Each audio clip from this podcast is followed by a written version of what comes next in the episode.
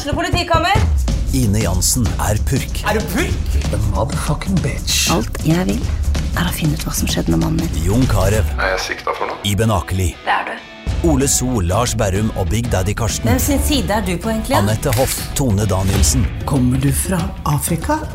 Jørnis Josef, Nesten. Kløfta. Trond Espen Seim, Det er synd å si det, men det var feil mann som døde. Purk. Premiere tirsdag på TV2 Play.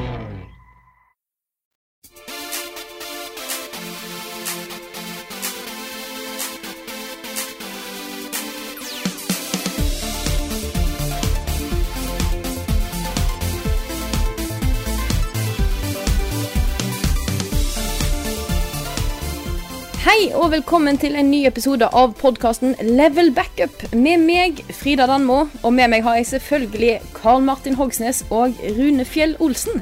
Hello. Hallo, hallo. Hei. Nå har det jo nettopp vært eh, 17. mai. Det var jo for oss i går. Og eh, nå begynner jeg på en litt, eh, litt annerledes måte. Jeg skal begynne med en del spørsmål som har kommet inn, for det er veldig mange som lurer på hva vi gjorde på 17. mai. Så eh, har dere har kanskje Rune lyst til å begynne med den? Ja da. Um, uh, 17. mai Jeg vet ikke. Jeg har alltid um, hatt et litt anstrengt forhold til 17. mai. Uh, det starta liksom med da jeg spilte korps og spilte tuba, og da var det ikke noe gøy med 17. mai i det hele tatt. Ehm, og så flytta jeg til Oslo, og da det, jeg hadde fått liksom litt sånn avsmak for 17. mai. Det var litt mye flagg og litt mye mas og litt mye unger og litt mye bråk og, og sånt. Så eh, i veldig mange år så var min 17. mai det var bare å sove lenge. Uh, og så spise pizza og spille spill og se på video, liksom. Uh, eventuelt da stikke ut og ta noen øl uh, hvis, hvis det passa sånn. Eh, Men nå har jo mitt liv blitt litt annerledes. Nå har jeg to små barn som går og gleder seg til 17. mai hele året. Eh, Så, så det har jo fått en helt annen eh, dimensjon. Og I tillegg så har kona mi vokst opp i Oslo og gått i barnetog. Og så hennes 17. mai-følelser da er jo vokst fram av at hun hver eneste 17. mai så er det kongen og dronningen og tusenvis av mennesker med flagg, og alt er bare helt fantastisk. ikke sant? For 17. mai i Oslo er eh, for barn da, eh, og voksne som liker sånt, er jo helt storslagent. Så, så jeg har på en måte blitt dratt litt inn i det. Så min 17. mai er basically um, ja, henge med barna, eh, gjøre det de, de, har, lyst til. Spise is, sørge for at de får i seg nok is og godteri og sånt. Uh, se på toget. Uh, ja. Egentlig med sånn barneting. Men det aller aller beste Jeg så også Trond uh, Borgersen, Sinfor, skrev på Facebook eh, i går at det beste med 17. mai Det er å komme hjem og ta av seg bunaden og ta på seg pysjbuksene, liksom. det er helt sant, altså. Det er helt sant. Ja. Du, Karl? Ja, eh, jeg har vært veldig dårlig på å feire 17. mai de siste par åra. I fjor satt jeg vel stort sett og feira i Oculus Nei, ikke i Oculus Rift, men, i, men eh, HTC Vive. Det var jeg tilbringte mesteparten av 17. mai min der. Og i år så har jeg eh, sovet lenge. Og sett på video og spilt og laga ting, egentlig. Det har, eh, det, har en, det har vært en veldig vanlig dag for meg. Jeg vurderte å ta en tur ned til byen, men så tenkte jeg det er sikkert mye folk og sikkert stappfullt på trikken. Og tenkte jeg da, da dropper jeg det. Men eh, jeg, har, jeg har ikke vært så veldig flink de siste par åra. Jeg prøver å spise litt is og, og en pølse. Bare for å ha gjort noe. Men ellers så er det Det er stusslig nå, altså. Ja, jeg skjønner jo det der, da. Når en ikke har en tilknytning til en si, skole eller unger som går i tog og alt sånt, så eh, sklir det litt ut. Det gjør fort det. Jeg, jo, jeg gikk jo mye i tog da jeg var liten. Jeg syns aldri det var sånn kjempegøy. Fordi eh, jeg var liksom ikke i noe korps eller noen ting. Jeg bare hadde på meg en sånn ubehagelig liten bunad og uh, veiva med flagg. Og det var så langt i Tønsberg. Skulle gå så langt, og du ble så sliten. Og så var det så mye så, så mye pøbelkids som gikk rundt og bare ropte andre ting enn en hurra. Så det var jo ikke noe sånn stemning heller. Det var liksom bare Ja, ja, nå skal vi gå langt. Så eh, det, det kan være veldig koselig. Jeg har ett veldig koselig 17. mai-minne, og det var når eh, jeg var ute i byen i Oslo eh, for noen år siden og lagde reportasje fra 17. mai. Og da møtte jeg en polsk fyr i liksom full bunad, da, som var det bare gladeste mennesket jeg har sett noen gang. Han var så utrolig happy for at nordmenn, spesielt den dagen, var så sosiale og blide og åpne og, og hyggelige. da. Så han gikk rundt og bare var kjempeblid. Det var koselig. Da, da fikk jeg skikkelig 17. mai-følelse. Ja, for meg så har liksom 17. mai vært litt Det har variert litt med åra. Eh, De første årene på barneskolen så var jeg med i korps, jeg òg. Og korpset vårt var et skolekorps som hørte til to barneskoler. Det vil òg si to tog. Så 17. mai for meg de første årene var mest sånn stress. Komme seg til den ene skolen tidlig om morgenen, gå i tog, spille. Komme seg til den andre skolen, gå i tog der òg, og så var 17. mai ferdig. Uh, med året så har det liksom blitt at jeg har uh, vært med på ting. Selv om jeg har vært på ungdomsskolen, så har jeg blitt med når søsteren min har gått i tog, uh, siden hun er litt yngre enn meg, og sånne ting. Og sånn jeg feirer 17. mai nå, er veldig prega av at jeg er student og tilhører en linjeforening som er veldig aktiv når det gjelder alt. Uansett hva det er, hvis det kan feire, så feirer vi. Uh, så i går tilbrakte jeg et par timer på skolen med linjeforeningen. Vi var ca. Jeg vil tippe på 60 stykker som møttes opp. Hadde 17. mai-frokost. Alle er kledd bunad og dress og finkjoler og alt sammen. og så er det å ta et felles 17. mai-bilde, og så gå ned til Trondheim sentrum og gå i borgertoget der. I fjor vant faktisk med beste innslag i toget. Jeg syns du vinner alt, jeg, Frida. I fjor var jeg ikke med, faktisk. Eh, fordi at i fjor så regna det, var surt, og jeg var litt sånn småsjuk. Og jeg var faktisk ikke med i år heller, eh, for det som Det kan være at noen hører det, men stemma mi er ikke helt på plass i dag.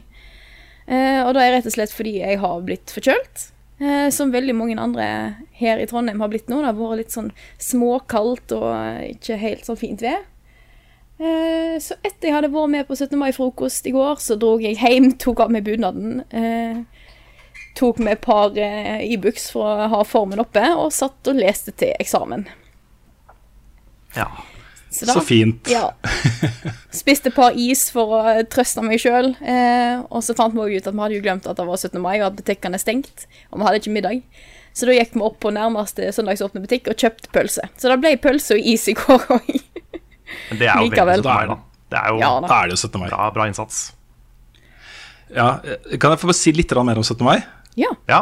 Ja, fordi eh, også Norge er jo et fantastisk land å bo i, og 17. mai eh, er en fantastisk fin tradisjon. Eh, og særlig når man eh, setter det opp mot liksom frigjøringen eh, i 1945. eh, og den nasjonalfølelsen som kom tilbake, da, det å få landet sitt tilbake. det fødte jo på en måte det moderne 17. mai. Og jeg syns også det er flott at det er på en måte barnas dag. At ikke dette er som militærparader og sånt, men at det er en veldig sånn folkefest basert på at barna er i sentrum. Men jeg har litt eh, problemer med eh, Altså Vi nordmenn vi er på en måte besatte av å være best i verden på alt mulig rart. Og at vi har den beste 17. mai og den beste feiringa og eh, alt er så fantastisk og det beste landet i verden å bo i og sånne ting. Akkurat, Selv om det er sant, den da. beste 17. mai er ikke så vanskelig. Nei, det er for så vidt sant. men, men akkurat den, der, den, den greia, den som på en måte At alle går rundt og er så stolte av å være norske på 17. mai, og at det er så fantastisk og flott og sånt. Jeg får litt vondt inni meg av det. Jeg syns det er litt ubehagelig. Jeg syns den eh, nasjonale eh, romantikken eller nasjonalfølelsen der er litt sånn UFN. Jeg er ikke helt glad i den. Jeg tror den kommer litt av sånn mindreverdighetskomplekser. At vi er så små, at vi har det så bra, at vi er liksom oss mot verden. Sånne ting. Uh, men allikevel. Jeg, jeg er litt sånn, det, det smaker litt vondt for meg også at det gjør det. Du syns vi er for patriotiske? Ja, på en måte. Og så er det jo for så vidt litt greit, i og med at det ikke er så mye vondt i oss, på en måte. og så hvis du blander patriotisme med uh, f.eks. Uh, et ønske om verdensherredømme, så kan det jo gå skikkelig gærent. Men vi er jo bare fem millioner mennesker, liksom, så det er ikke så lett da, å ta den helt ut. Um, men jeg, jeg, jeg syns vi er litt for opptatt av å være verdens beste i alt mulig rart. Uh, og det slår på en måte litt ut i blomst da på 17. mai, føler jeg. Ja. Beklager å, beklager å være litt sånn eh, negativ til en dag som alle elsker, men eh, Nei, nei, altså jeg er ikke noe Jeg er veldig langt unna en patriot sjøl, merker jeg. Så det er eh, Jeg er veldig glad for å bo i Norge, men det er på en måte der det, der det ender. Ja, og før Yes. vi blir altfor negative til Norge her og sånt, eh, skal vi gå videre og snakke om hva vi har spilt den siste uka? Ja, jeg syns vi kan eh, gjøre det. det. Så kan vi heller snakke mer om 17. mai neste år. Ja. Det kan vi gjøre. Karen, har du lyst til å eh, snakke om hva du har spilt eh, det siste?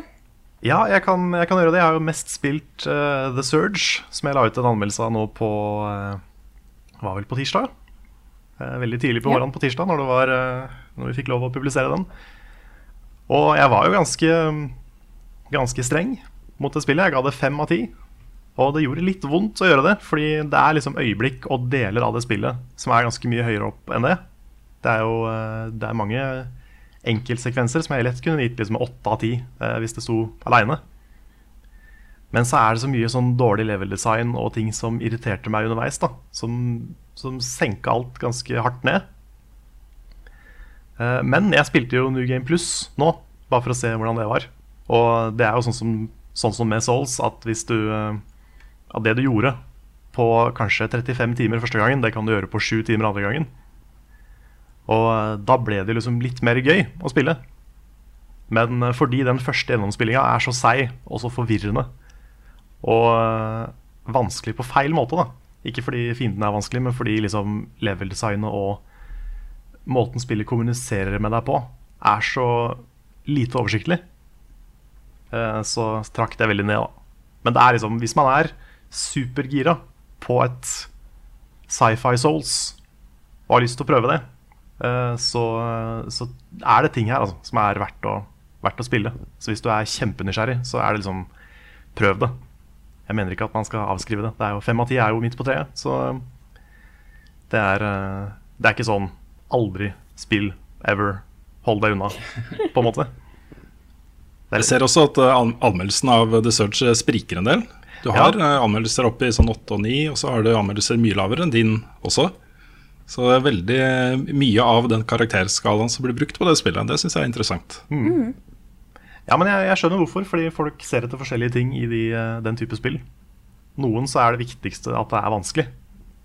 At, det bare, Ja. at de bare skal ha det mest mulig vanskelig mens de spiller.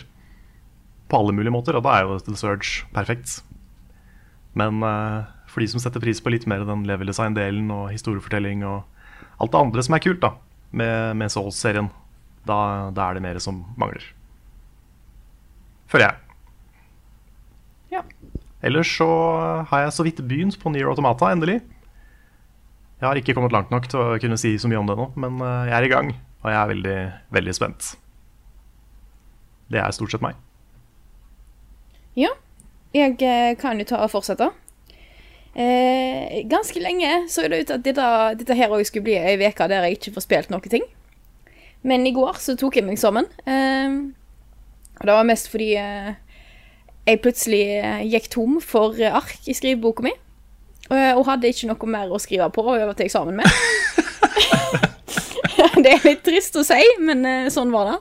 Så da tok jeg det som et hint om at det var på tide å sette seg ned og spille litt istedenfor.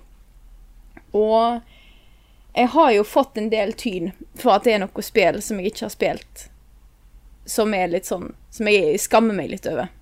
Og nå har jo jeg eh, faktisk spilt eh, The Last of Us, så den er sjekka av. Og så tenkte jeg i går at da tar jeg og setter meg ned og får begynt på et spill som jeg har begynt på for lenge siden, men aldri ble ferdig med. Og nå har jeg satt meg ned igjen med Shadow of the Colossus. Hei, hei. Uhu, veldig bra. Og tatt eh, Jeg tok Koloss nummer fire og fem i går. Så da har jeg på en måte kommet i, eh, kommet i gang. Så da er det bare til å fortsette videre. Og Men jeg, jeg må si at jeg blir litt forbanna på det kontrollsystemet innimellom. Den hesten din er jo det dummeste vesenet jeg har vært borti i mitt liv. Den vil jo ikke gjøre en dritt. Og den som bestemte seg for at klatre opp på hesten og hopp skulle være samme knapp, trenger et slag i ansiktet. Fordi at det er, det er jo bare helt håpløst. Jeg føler vi er litt på samme sted, Frida. Fordi jeg er veldig, på samme måte som Rune, så er jeg veldig, veldig glad i de spilla. Men jeg blir så forbanna på de samtidig. Det er liksom, det, det er Ico, og det er Shadow of Colossus, og det er The Last Guardian. Jeg blir så forbanna. Det er få spill som gjør meg så utrolig forbanna på kontrollsystemet og på liksom hovedpersonen som de spillene der. Selv om jeg er utrolig glad i liksom alt rundt de. Jeg blir Ja. så sinna. jeg satt jo litt sånn eh, i går nå og mimra tilbake holdt på å si, til The Last Guardian, som jeg syns er fantastisk. eh, og merka ikke så mye til kontrollsystemet der. Men jeg fikk plutselig veldig sånn jeg håper å si PTSD-flashback når jeg skulle begynne å klatre på disse kolossene i går. og Bare sånn Faen, shit, det var jo crap å klatre på eh, der, eh, På Trico i eh, The Last Guardian òg. Og det er jo det samme. Jeg prøver å gå rundt, og så bare detter ned, og jeg bare Nei. Så ja. Jeg må jo si, må jo si jeg har jo også raga mye uh, i disse spillene. Alle de tre spillene. Kanskje mest i, i Shadow of the Colossus. Uh, men det er noe et eller annet med når man først da liksom får det til. da Man kommer seg opp på den kolossen og får satt ned det sverdet de gangene på de punktene man skal sette det ned, og kolossen går ned og sånt. Den følelsen overskygger så voldsomt uh, den frustrasjonen man føler, da. Uh, så så jeg på en måte Det ligger så langt bak for meg. Men jeg rager, jeg også. Og så kan jeg komme med tips, da, Frida. Fordi, eh, jeg vet ikke om du har fått det med deg, men eh, du kan eh, skyte og på en måte spise noen sånn hvithalede salamandere. Yes. Gjør du det? Jeg, har, jeg klarer ikke å finne disse hvithalede salamandrene heller. Jeg finner bare det med svart hale, så jeg går jo rundt og bare er sint. Men Ja, ok. jeg, jeg syns spillet er Jeg syns det er stilig. Jeg liker Jeg er helt enig i at den følelsen av å ta ned en koloss og få det til, er veldig bra. Eh, og jeg bare Av og til liker jeg å klage på ting. Bare for å liksom ha gjort det, sånn at jeg får ut frustrasjonen min rundt det. Eh, men jeg husker at du, du Rune, har nevnt det før, disse hvithala salamandrene. Så jeg er på utkikk etter dem og prøver å finne dem. Og frukt i trærne. Ja. Det har ingenting. Ja, det er også en ting. Det visste jeg ikke. Poen, altså, eh, jeg ville egentlig eh, anbefale deg eh, å ta en liten session og kanskje bruke en guide for å finne disse salamanderne og frukten. Eh, fordi, eh, særlig mot slutten, da, eh, særlig den aller siste kolossen Hvis ikke du har oppgradert stamina og, og sånt lite grann, så er du Da er det duka for ragefest, tror jeg, da. Hvis du først er liksom på, på koloss nummer fem og seks rager såpass mye, så kan det bli ganske heftig på slutten. uh, og rett og slett det, det å spise disse salamanderne, det det gjør, da, det er å uh, øke stamina, uh, staminaen din. Det skal sies at da jeg Det er liksom Mesteparten av kontrollsystemet går greit. Det jeg er mest sint på, er hesten. For den hesten vil ikke gjøre noe av det jeg sier at han skal gjøre. Eh, så da når jeg først er i kolossfight og sånne ting, da går greit. Litt klat og er litt sånn kronglete, men eh, det er mest sånn den prosessen med å komme seg til kolossen som irriterer meg. Har du prøvd å ri gjennom en skog? det er gøy, det. Å, nei. Jesus. Når du sier det, så husker jeg jeg har sånne veldig sånn diffuse minner av en sånn klippe som jeg har satt fast hesten min på. Og så var jeg stuck der i sånn en time, for jeg visste ikke hva jeg skulle, og så bare kom jeg meg ikke opp igjen. Det var, Jeg husker ikke helt hva det var, hvor, hva det var men jeg bare husker at det var, da var jeg sinna. Men jeg også ender jo opp med å liksom Jeg glemmer veldig fort de uh, rage-øyeblikka.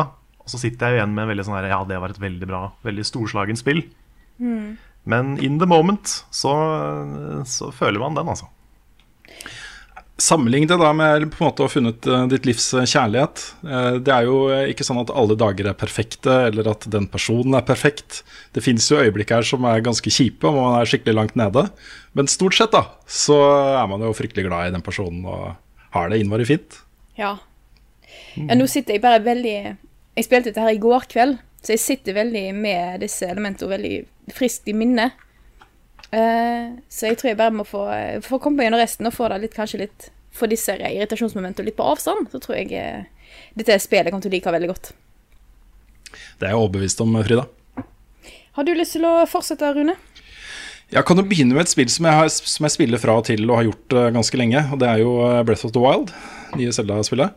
Som jeg stort sett spiller med ungene. Men nå har jeg liksom kommet såpass inn i det at uh, jeg har gitt ungene beskjed om at uh, unger, dere vet at det å spille spill er jobben til pappa. Uh, det kan hende at jeg blir nødt til å spille litt, selv om dere ikke er her. Så da har jeg begynt å gjøre det litt. da, Sitte litt på egen hånd på kveldene og, og kose meg med Selda. Og det, det vokser jo. Jeg har alltid likt det godt. Jeg har liksom ikke vært like ekstatisk som, som deg f.eks., Carl. Eller du er vel også ganske glad i det spillet, Frida? Jepp. Ikke sant? Eh, Men jeg har alltid likt det veldig godt, og jeg har fortsatt altså, Selv om jeg ikke har vært like ekstatisk, så har det så langt i år vært mitt favorittspill i 2017. Men nå begynner det å vokse litt. Jeg begynner å få litt mer eh, hjerter og eh, utforske større deler av kartet. gjøre en del shrines, få bedre våpen, den type ting. Og det blir bedre og bedre. Så på et eller annet punkt nå så spår jeg at det sier liksom klikk inni meg, og så må jeg bare spille det ferdig. jeg er ganske sikker på at det kommer til å skje. Ja, Jeg er ikke du- overraska om det skjer. Nei, det er kult at du får den nå, syns jeg. Fordi jeg, jeg, jeg kan se den at hvis du liksom spiller det veldig oppstykka, eh, også med barna kanskje, så er det vanskeligere å liksom synke ordentlig ned i det. Og det må du for å få den der følelsen. Ja, Mitt store problem nå, min store terskel i dette spillet, det er uh, fightinga. Jeg får ikke helt den til. Og særlig mot disse her, uh, uh, robotene med åtte, åtte ben. De Å ah, ja, men de, de er ikke meningen at du skal ta i Guardians. starten. Nei, det er vanskelig. Ja, jeg, jeg har liksom vært i kamp mot noen. Jeg har ligget unna da, etter å ha blitt tatt av dem et par-tre ganger i starten. Så har jeg bare gått store sirkler rundt det og sånt. Men nå har jeg kommet til en del steder på kartet hvor uh, jeg har lyst til å komme meg opp i det tårnet. Og der er det liksom, jeg må, for å gjøre det, så må jeg ta ut en av de robotene. Eh, og har vært i kamp mot den et par ganger og kommet veldig nærme, da. Så jeg vet liksom sånn cirka hvordan man skal gjøre det. Men jeg får ikke helt til den der eh, pareringssystemet med skjold, f.eks. Nei, men det, det er veldig sånn advanced eh, strats. Ja. Ok, greit. Det er litt som Paris i Dark Souls. At du på en måte Ok, greit. Det, det er sånn du kan lære deg hvis du vil etter hvert. Ok, så hvis jeg skal tolke det dere har sagt nå, eh, kanskje få litt kraftigere pil og bue, skyte i øyet, eh, litt kraftigere sverd, slå på beina? ja. Ja. Ja, greit. Da skal jeg vente litt med det tårnet, og så gå litt videre. Pluss at uh, husk at Guardian-våpen, sånn som du får i shrines og sånne ting, funker ekstra godt mot disse eh, robotmonstrene. ok, ja. Det har jeg for så vidt uh, deduktert meg fram til. Ja. Men uh, ja. Og så er jo de, Jeg er fortsatt ikke så er jo de Guardians litt sånn difficulty gates eh, lagt inn i spillet for at du kanskje ikke skal være akkurat der ennå. da. mm, At de er, eh, hvis det er veldig mange av de, så er det ofte litt sånn late game-innhold du finner der. Nettopp. Greit. Og så har jeg også kommet uh, i storyen muligheten til å ta det første Divine Beast, eller i hvert fall komme til det området. Jeg vet ikke helt hva som skjer i den storyen, men eh, eh, det har jeg også bare bestemt meg for å vente litt med. Ja. Bli litt mer uh, kraftig først. Yes. Hvem tenker da- du forresten på som første Divine Beast? Jeg er i åh, det området rett ved den vulkanen. Eh, Den har tatt meg dit, den storyen. Og så står det en sånn prins. eh, De kan, eh, de kan svømme under vann. Jeg husker ikke Ja, hva det heter. Ja, ja. Og så er det sånn masse lightning og, og sånt på vei opp dit.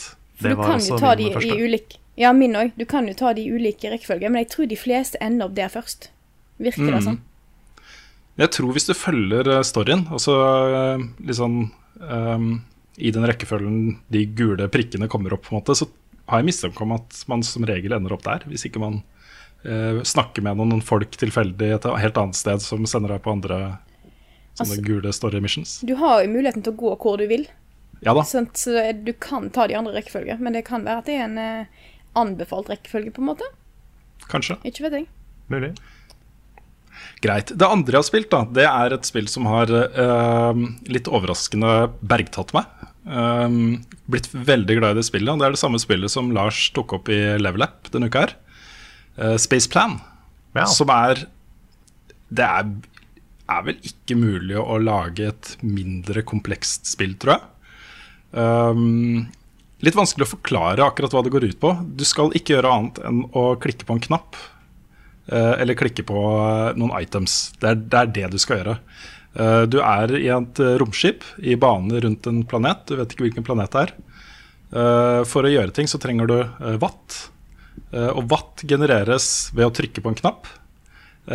og ved å lage ting med watt. Altså du kan produsere F.eks. i starten det du produserer, er en potet som du skal prøve å dyrke på den planeten. Eh, men den vil jo ikke Den brenner opp i atmosfæren, så da må du eh, bruke watt til å utvikle beskyttelse for disse potetene eh, før du sender det ned til jorda, eller den planeten.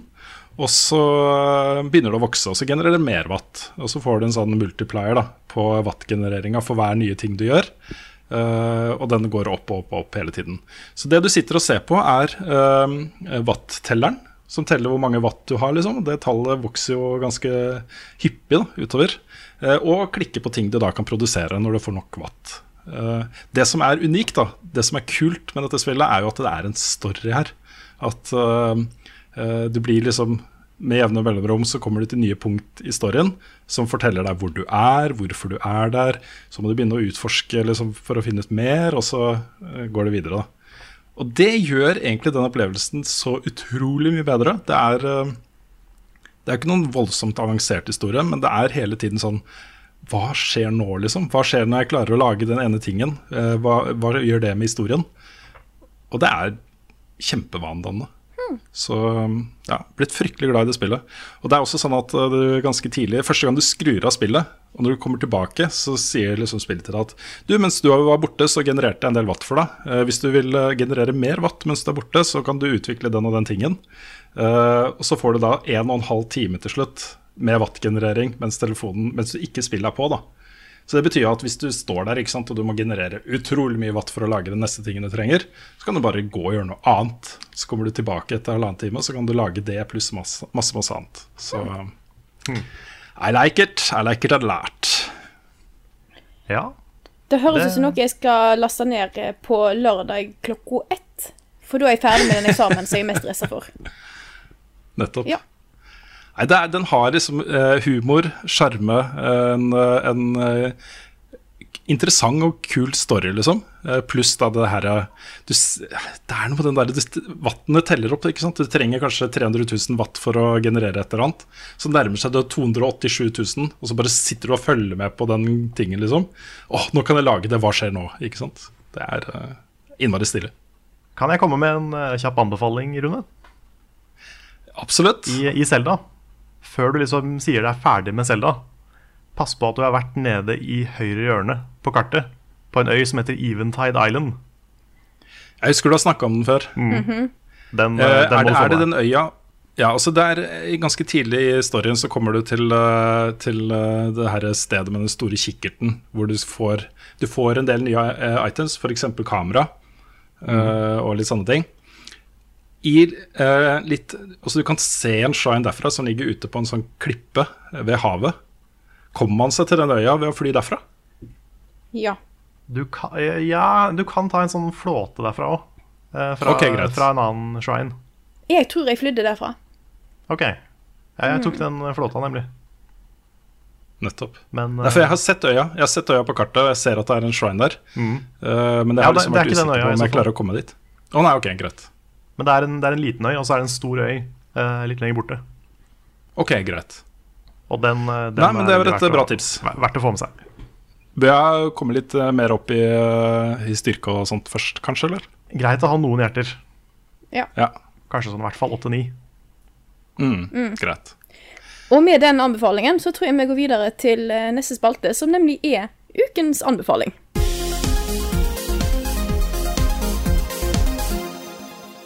Da er det klart for ukens anbefaling, og da er det Carl som skal komme med denne uka. Det er det. Jeg tenkte å komme med en anbefaling. Det er en, en TV-serie. Føler det har vært nye TV-serier i anbefaling så langt, men jeg tar en til. Og det er ikke første gang jeg snakker om den serien, men jeg tar den opp nå fordi det er tre episoder igjen totalt før hele serien er over.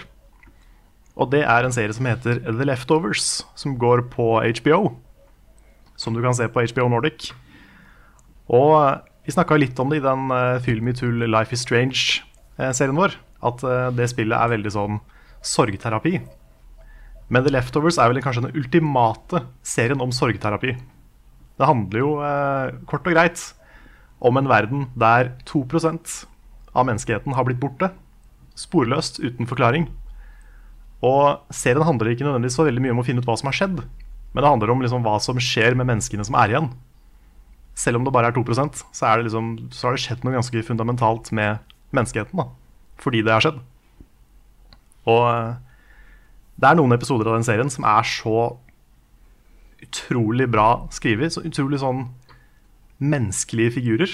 Spesielt han um, Han spilles av han som spilte The A Ninth Doctor. Han uh, Christopher Eccleston. Han spiller en prest i den serien, som er helt fantastisk. En av de beste figurene jeg har sett på TV noen gang. Og eh, rett og slett bare en helt genial serie. Som er eh, verdt, å, verdt å sjekke ut.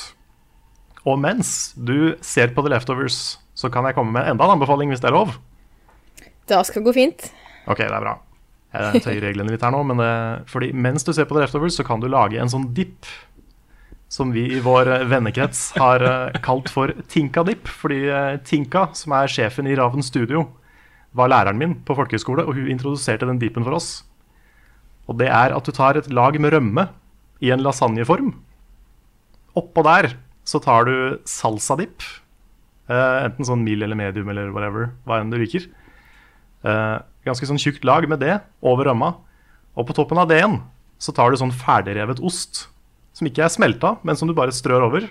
Gjerne masse ost, så mye at ikke du ser det som er under. Og, og så dipper du liksom tortillachips i det. Det er den beste liksom, TV-slash-partymaten som fins, altså. Og her Nå ble jeg jeg innmari sulten her. Denne kan jeg bekrefte at det er bra, for denne fikk jeg første gang jeg var hos Carl, tror jeg. Det stemmer, det. Vi Ja. introduserte deg for den da. Ja. Den, eh, den, har, eh, den har en tendens til å dukke opp når det skjer ting. Så det er eh, anbefaling leftovers med sånn dip. Da er det tid for uh, ukens nyheter, og der uh, kan vel du bare sette i gang, Rune. Jeg kan gjøre det. Jeg kan jo starte med å si at uh, ukens viktigste, kanskje årets viktigste nyhet, um, som skjedde i går for dere som hører på, det får vi ikke snakke om her i denne podkasten, fordi den spilte vi inn på torsdag.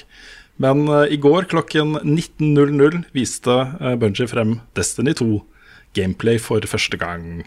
Jeg gleder meg sånn. jeg gleder meg sånn. Det er ordentlig sånn sommerfugler i magen, altså. Så ja, Vi skal snakke litt om det på streamen i kveld også. Så eh, hvis du har lyst til å se reaksjoner på, på det Bungie viste frem i går, så kan du eh, se streamen vår i opptak på YouTube. Det, Ikke sant? det er nesten Rune, at du burde bare sette opp et facecam og bare filme deg sjøl Ja. mens du ser på Destiny 2-streamen. Ja, Altså Problemet er at, eh, at eh, stua kommer på det tidspunktet til å være full av unger. Som skal se på barne-TV og mase på pappa om å spille Zelda og sånt. Så eh, jeg tror ikke det går. Det kunne vært en Kun veldig morsom facecam video. uten lyd. Bare, ja, det kunne vært en Ja. morsom video hvis du bare totalt ignorerer barna dine, bare stirrer intenst på en skjerm og gliser. Mens liksom Ja, alle prøver å få tak i deg. Og, ja. Ja, vi, ja kanskje. Jeg, jeg, jeg gjør nok ikke det, men kanskje. det. Takk for tipset. Det var et veldig bra tips. Diplomatisk, ja. Um, ja, ikke sant. Også et par uh, ting som skjer til helgen, som vi må nevne. Som vi, um, I hvert fall noe av det skal vi dekke. Det ene uh, er Retrospillmessen. Nå kan du ta et spørsmål fra Marius Lyseggen Krinnan, som spør uh, om noen av oss i den utvida Level Up-familien uh, skal dit på Retrospillmessen i helga, og det skal vi på lørdag. Litt usikker på akkurat uh, transport uh, her. Jeg vet ikke hvor mange i familien uh, Fjell Olsen uh, som reiser nedover. Men sannsynligvis så blir det bare meg og dattera mi. Og da er det plass til deg og Kristine og Bjørn i bilen, hvis dere vil, Karl. Det er mulig vi skal ha med Svendsen nå, så da kan det bli litt, eh, litt dårlig plass. Men det, Da blir det litt dårlig plass. ja, men det finner vi ut. Men jeg tror i hvert fall Bjørn Svendsen kommer dit. Ja. Og vi to. Vet Mm. ikke om resten har tenkt å dra dit. nei Usikker, usikker. Men det blir kjempegøy, i hvert fall. Mm, det gjør det. Uh, og så må jeg også nevne at uh, det er uh, finaler i Telenor-ligaen uh, på lørdag. Og for første gang så lager da uh, Gamer uh, og Telenor en, en sånn e-sport-event ut av det. Sånn skikkelig event. De har leid uh, Edderkoppen i Oslo uh, med plass til masse mennesker.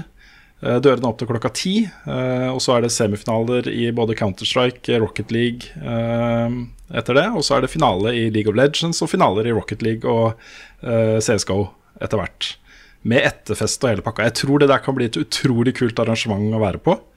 Eh, I hvert fall hvis du er interessert i de tre spillene. Så anbefaler det. Uh, billetter er tilgjengelig på ticketmaster.no.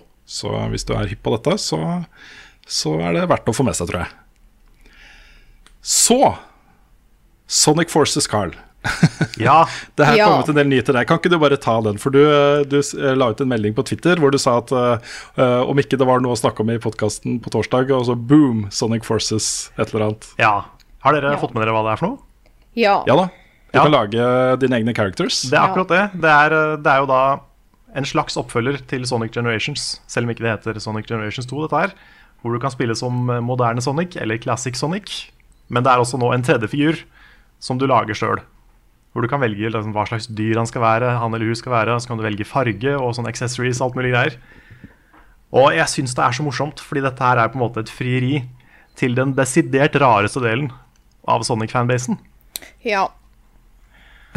Det er jo, jeg, da jeg var liksom tolv, så prøvde jeg å google Sonic the Hedgehog, og det gjorde jeg aldri igjen. Der er det, det er litt som å google My Little Pony i dag. Ja. Ja, du gjør ikke et image, uh, Google Images-search av det? Da skal du ha på Nei. safe search. Da skal du, ja, veldig. Ja. Så mange lag med safe search. Ja. Så dette er jo, altså det, det å lage en Sonic OC er det noe som heter. Uh, Sonic OC Do Not Steal. Hvor du liksom Ganske mange folk har laga sine egne Sonic-fyrer. Jeg, tenkte jeg, kan, jeg tenkte jeg kunne gjøre en ting nå, eh, fordi jeg har testa det på forhånd, og det er litt morsomt. Prøv å søke på deres eget navn, og så The Hedgehog. På vårt eget navn? Ja, altså Rune the Hedgehog og Frida the Hedgehog. Det er så mange Sonic OCs at du nesten alltid vil finne en hedgehog med ditt navn. Ja Det er Ja. Ja. Jeg er både en slags goth-chick goth og ei eh, En hvit en med rosa hår eh, og rosa støvler. Du kan jo bare se for deg bare det at det fins en Frida the Hedgehog. Det sier litt om hvor mange The Hedgehog som fins. Ja. Så eh, dette er jo en ting, da. Jeg, ja, jeg kan ikke så mye om den delen av fanbasen, men det er, en, det er visst en veldig stor veldig populær ting å lage originale Sonic-figurer. Og det er jo da den delen av fanbasen som uh, dette spillet tydeligvis har uh, fridd til. Rune er forresten uh, jente-hedgehog med langt, blondt hår. Uh, og eh, ja, Ja. så vet Jeg vi likte- da. Jeg likte eh, Rune the Moonrat, ja, som er det tredje treffet på Rune the Hedgehog. The Moon Rat. The Moonrat. Er ikke det litt juks? Det er ikke et ordentlig dyr. Eller er, eller er Moonrat et dyr? Jeg vet ikke. Nei, Jeg vet ikke. vet ikke, vet ikke. Men eh, jeg, jeg kikka på den traileren, eh, Karen. Jeg syns, jo, jeg syns jo faktisk det ser ganske gøy ut å spille det. Ja, ja. Altså, Ja. Det første Generations har, har, det, har det beste moderne gameplay jeg har sett i et Sonic-spill. Jeg er veldig hyped på eh, Sonic Forces. Eh, jeg er mer hyped på Forces enn Mania. Rett og slett fordi at jeg, uh, selv om jeg er veldig glad i eh, old school 2D Sonic, så er jeg veldig glad i nyere 3D Sonic i tillegg. Eh, men jeg er fortsatt litt skeptisk til den der egne karaktergreia med sånn power-ups og våpen og noe greier. Jeg vet ikke helt om jeg vil ha det, men eh, jeg er fortsatt Jeg har et åpent sinn. Jeg er sikker på, jeg, jeg føler det er liksom Jeg tror ikke det er noen som forventa det. Nei. At den tredje figuren skulle være en, en character creator, på en måte. Det, det tror jeg det var ingen som hadde klart å, å forutse. Jeg syns jo det er litt morsomt at de gjør det. Jeg synes det er litt kult at de liksom At de bare Ja, ja, nå prøver vi dette her. Og det kan enten gå kjempebra, eller det kan gå rett i dass. Eh, Men det blir jo da sannsynligvis ikke så veldig trygt å google noe hedgehog-relatert framover. Ikke noe mer trygt enn det var. Eh, Men eh, samtidig da, så syns jeg det er litt koselig at de At f.eks. barn og sånne ting kan lage sin egen figur og være den. Det er jo en Det en ålreit ting. Er det ikke det? Jeg syns jo det. Ja. Eh, Jeg går litt videre. Det er så mange nyhetssaker at vi må prøve å pløye litt gjennom det. Ja. Um, eh, Funcom har akkurat eh, gitt ut eh, en kvartalsrapport hvor de forteller om en omsetning på eh, 10,9 millioner dollar og et driftsresultat, også et overskudd på 6 millioner dollar. Eh, og samme kvartal i fjor så eh, hadde de et tap på 660 000 dollar. Så de har jo tjent det jo, også, også Dette reflekterer jo salget av, av Conan Exiles. Så jeg syns det er hyggelig å se at, at pengene renner inn. Så, så gjenstår det å se da, om de klarer å opprettholde det momentumet med Conan Exiles fram mot lansering på slutten av året. Nå er det snakk om at det skal komme først på Xbox One, og så i fullversjon på PC og PS4 rett over nyttår 2018. Så foreløpig så ser det veldig greit ut. De har hatt uh, jeg tror det er 24 oppdateringer av det spillet så langt. Uh, vært veldig flinke til å høre på tilbakemeldinger fra spillerne. Uh, de kom med en kjempestor oppdatering rett over sommeren. og vi kommer jo tilbake til dette her i ukens tema også, men det er gøy å se at de, at de ikke bare tar disse pengene, det er ganske mye penger, og investerer det inn i noe nytt, men at de bruker det på å gjøre ferdig Colin Exiles. Det er, det er hyggelig. Mm. Og i går, for dere som hører på, så var det jo da Nordic Game Awards. Der har jeg sittet i juryen og vært med på å bestemme vinnerne, uh, vinnerne der. Um, som en inngang til det så kan jeg nevne at uh, Gunner, som er et uh, lite svensk og fantastisk spill, nå kommer på Switch den 1. juni. og det er også en av vinnerne fra Nordic Game Awards. De vant i kategorien for beste nykommer. Eh, soleklart, vil jeg si. Eh, det soleklart beste nykommerspillet. Det er helt utrolig at det er eh, en debut av de folka som har lagd det. Men ellers så er det jo da verdt å nevne at vi i juryen var fryktelig glad i Inside. Inside endte opp med å vinne både Game of the Year, Best Art, Best Oreo og Best Game Design. Det var, hmm. Noen av disse var det veldig tett i. F.eks. Art, så var Owlboy veldig close runner-up. Uh, såpass close at vi endte opp med å gi da Owlboy en special award. Altså en uh, ja, en sånn egen spesialpris fra juryen, rett og slett. Så, mm. så, de får en pris, men da ikke i noen av de kategoriene som de var nominert i. mm. uh, vil også nevne da at Hitman uh, vant beste teknologi, også i knallsterk konkurranse mot både eh, VR-spill og uh, Inside og Battlefield uh, 1 og osv. Så, videre. så uh, det var en close kategori. Og så var da beste håndholdsspill, eller beste small screen, som de kaller det her, det ble um, helt uh, overlegent og soleklart Twofold Ink. Har noen av dere spilt det spillet? Nei. Nei er et briljant puzzlespill. Og eh, det viste seg at uh, nesten samtlige i juryen hadde brukt uh, ufattelig mange timer på det, inkludert meg selv. Så. så, det var en liten gjennomgang av vinnerne der. Det var veldig gøy å sitte i den juryen med så mange uh, gode spill. Og så flere av disse spillene er jo opplagte kandidater i Game of the Year-kåringer overalt i verden, på en måte, ikke bare i Norden. Så det var spennende. Ja. Er dere skuffa over at ikke vi klarte å vri en pris til Alboy? Jeg syns jo, jeg synes jo Alboy burde fått i hvert fall én av de prisene. Kanskje? Ja, men det er jo en veldig tøff kamp, da, når du har spill som Inside, som de må kjempe mot. Mm. Eh, for selv om Alboy har en fantastisk eh, artstil eh, og veldig mange andre punkt der de kunne ha vært vinnere, så er jo Inside et veldig spesielt spill det står jo veldig fram med, egen, med, et eget uttrykk. Så jeg mm. skjønner hvorfor de vant òg. Ja, og så skal det jo sies at den, eh, uten å spoile det, den siste delen av spillet, det er jo noe av den beste animasjonen jeg har sett i et spill noen gang. Ja. Så det er absolutt ikke ufortjent. Det, det mener jeg ikke. Nei, det var, eh, det var, et litt spesielt år. Eh, I og med at vi var så fryktelig glad i Inside alle sammen, så, så var det vanskelig å konkurrere mot. Jeg tror nok Hadde dette vært i fjor, hadde Albo kommet ut i fjor, så ville det sannsynligvis ha vunnet opptil flere priser, tror jeg. Ja, 2015, um, mener du? Ja, eh, altså i forrige fjor um, hadde det blitt da. Ja. Uh, hadde det vært under Game Awards i fjor, så ville det vært litt annerledes. Men de var jo da opp mot Hitman som er fantastisk, mot Battlefield 1, som er jo et powerhouse.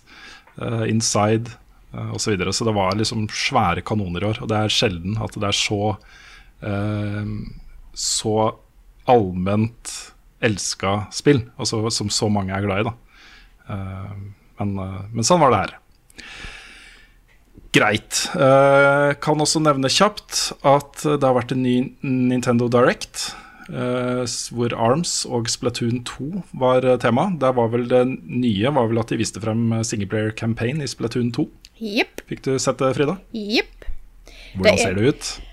Jeg syns den ser veldig bra ut. Da de har lagt til en del eh, kule element som jeg gleder meg til å teste. Eh, de har annet eh, lagt til eh, Vel, det er noe sånn grinding som skjer langs noe eh, rails som ser eh, kult ut. Men òg litt nye eh, Ikke nødvendigvis nye våpen, men nye versjoner av våpen. Eh, og så har det jo blitt reveala litt hva den storyen handler om. Og subredditen r slash Platoon har jo dissekert den traileren der i. Eh, og jeg har jo lest alt dette her, og det er veldig mye teorier. Men det som ble vist, da, som er jo det store, er det at du treffer på karakteren Marie fra første spillet.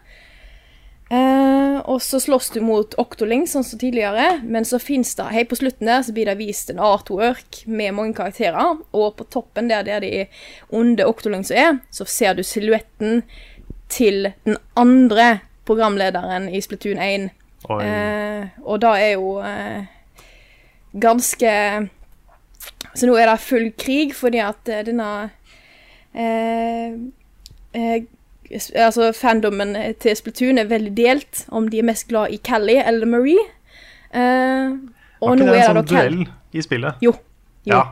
Det var Kanskje det er sånn de har bestemt hvem som er den slemme? Ja, fordi at det er òg en teori, skjønner du. Fordi det var Marie som vant hele den der duellen. duellen. Og det er snakk om at siden Marie, eh, Marie er fortsatt god, med at Kelly kanskje har blitt ond på grunn av det. Men det er jo bare fanteorier opp og ned i mente. Men jeg syns det er kjempegøy å lese, for folk blir så gira. Det er alle- favorittingen min med internett. At du kan være gira og du kan ha fanteorier om alt. Inkludert Splatoon. Ja. Det er så, Så det er så kult. eh, Ja, så det, de fleste er jo eh, enten sånn Å, Marie, vi elsker deg, du er fortsatt på vår side. Mens de som eh, er mest glad i Kelly, bare sånn Å, what have we done? Og alle bare Det er fullt, eh, fullt kaos. Men det er kjempegøy. Så jeg, eh, jeg gleder meg til Splatoon 2. Jeg håper det blir en showdown mellom de to. Ja, ass. Det var kult. Ja, Her er det sjansen til å lage noe skikkelig epic. Og så kommer det også en eh, beta av Arms. Jeg tror det var slutten av mai, begynnelsen av juni, hvis jeg ikke husker helt feil.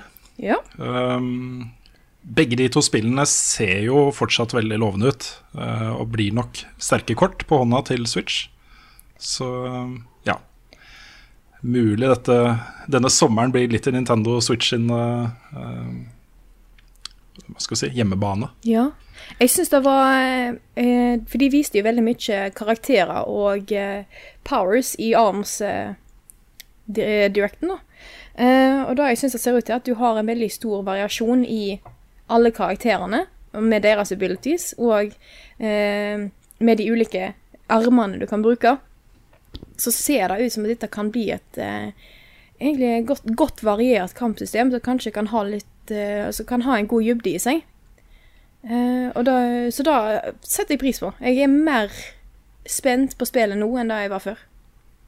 Ja, Det virker som de har tatt at det har blitt litt sånn Hearthstone light i dette med å velge riktig karakter eh, mot motstanderen, og at det ligger en del taktiske elementer i det. da Det, det syns jeg, jeg er kult. Vi testa det jo så vidt i Sverige, Rune og jeg.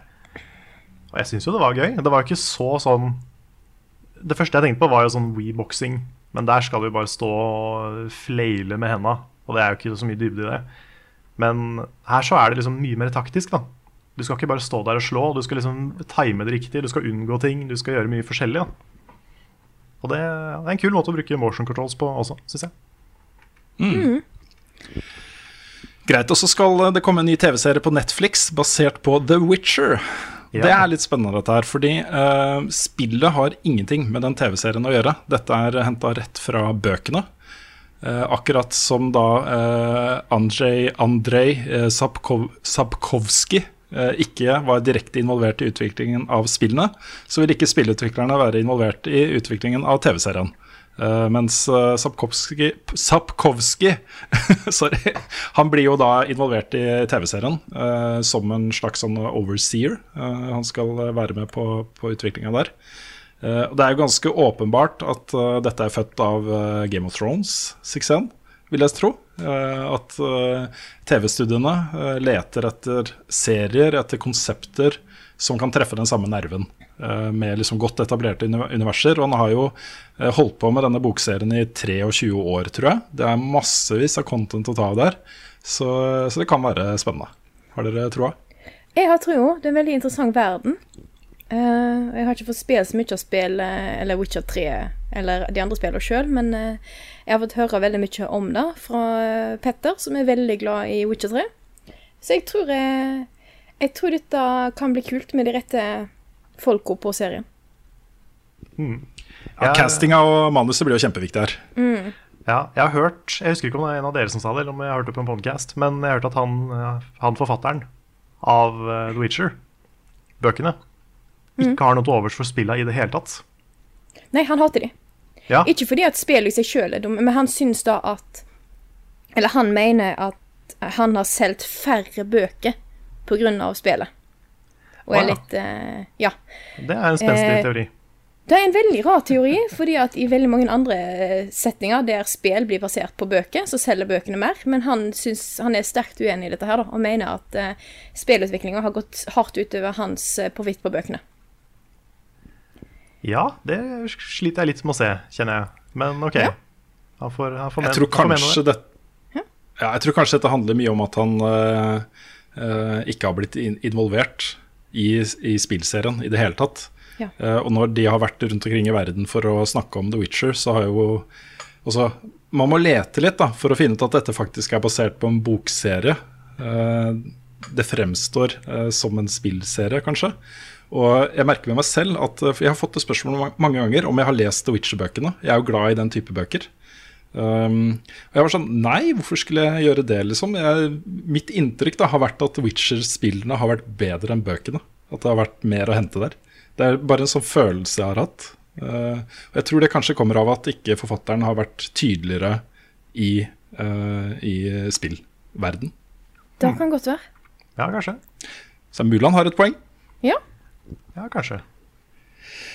Eh, I samme åndedrag kan vi også nevne at Gwent, som er kortspillet som ble introdusert i eh, The Witcher-spillene, det blir nå et eh, ekte spill. Det har vi visst lenge, men den åpne betaen av, det spillet starter nå den 24. mai. Det har vært i lukka beta i et halvt år nesten, tror jeg.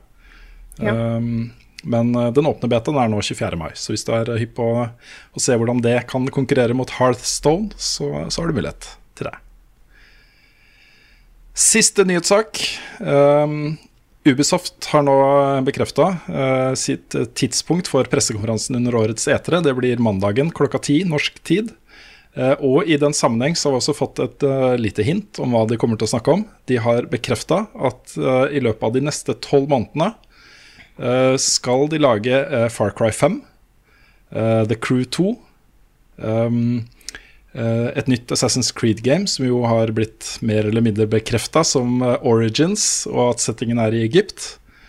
Uh, og så har det også kommet en lanseringsdato for South Park The Fractured But Whole. Uh, og det er den 17. oktober. Så vi var litt engstelige for det spillet, at det kanskje ikke ville komme ut uh, i det hele tatt. I og med at det hadde blitt flytta på så mange ganger. Men eh, det har fått en dato, og det er 17. oktober. Da er vi klare for å snakke om ukens tema. Eh, og det jeg har lyst til å ta opp denne gangen her, er noe som har sett eh, dukka opp en del de siste åra i spillsammenheng, og det er nemlig Early Access-spill. Eh, og veldig mange spill eh, nå for tida har jo kommet i Early Access og har blitt store eh, hits. Eh, nylig så har vi jo både Conan Exiles fra Funcom og eh, Player Unknowns Battlegrounds, som begge er i Early Access. Eh, men ikke alle spillutviklerne går videre med dette konseptet og faktisk lanserer de i full skala. Så spørsmålet er litt, hva syns vi egentlig om Early Access-konseptet? Det er mye å mene om det. og Daisy er kanskje det beste eksempelet på et eh, også Det var kanskje den første virkelig virkelig store Early Access-suksessen. Eh, Ja, Minecraft massiv- var vel det første, kanskje. Ja, Ja. ok, men, men var ikke det mer Var det et Early Access-spill? Ja, det ble, det det ble mer sånn- i alfa aller først. Ja, men jeg føler det er litt annerledes. Eh, for Early Access som system, eh, det er jo en, en Altså en egen plattform, vil jeg si nesten, på Steam og også etter hvert nå på, på Xbox One. Eh, hvor, eh, hvor utviklere får liksom muligheten til å lansere spillene sine til en pris satt i et system, eller toppliste for mest populære spill og sånne ting. Jeg føler Minecraft var mer sin egen greie. eh, Den Ja, det- ble kan du si, det kan uten, utenfor dette her. Mm. Uh, mer som en tradisjonell beta, da. uh, og det kosta vel heller ikke Jo, det kosta litt for å kjøpe spillet, gjør det det? Jeg lurer på om betaen begynte å koste penger. Det var Ja. vel sånn 100 kroner, mener jeg. Nettopp. Um, Men Daisy men uans... Ja, men ja, ikke sant, Daisy, det, det ble jo kjempesvært. Og er, er det gitt ut? Det er ikke gitt ut, det, noe sted. Nei. Nei. det er ikke ferdig. Nope. Og utvikleren av konseptet har jo forlatt skuta for lenge siden.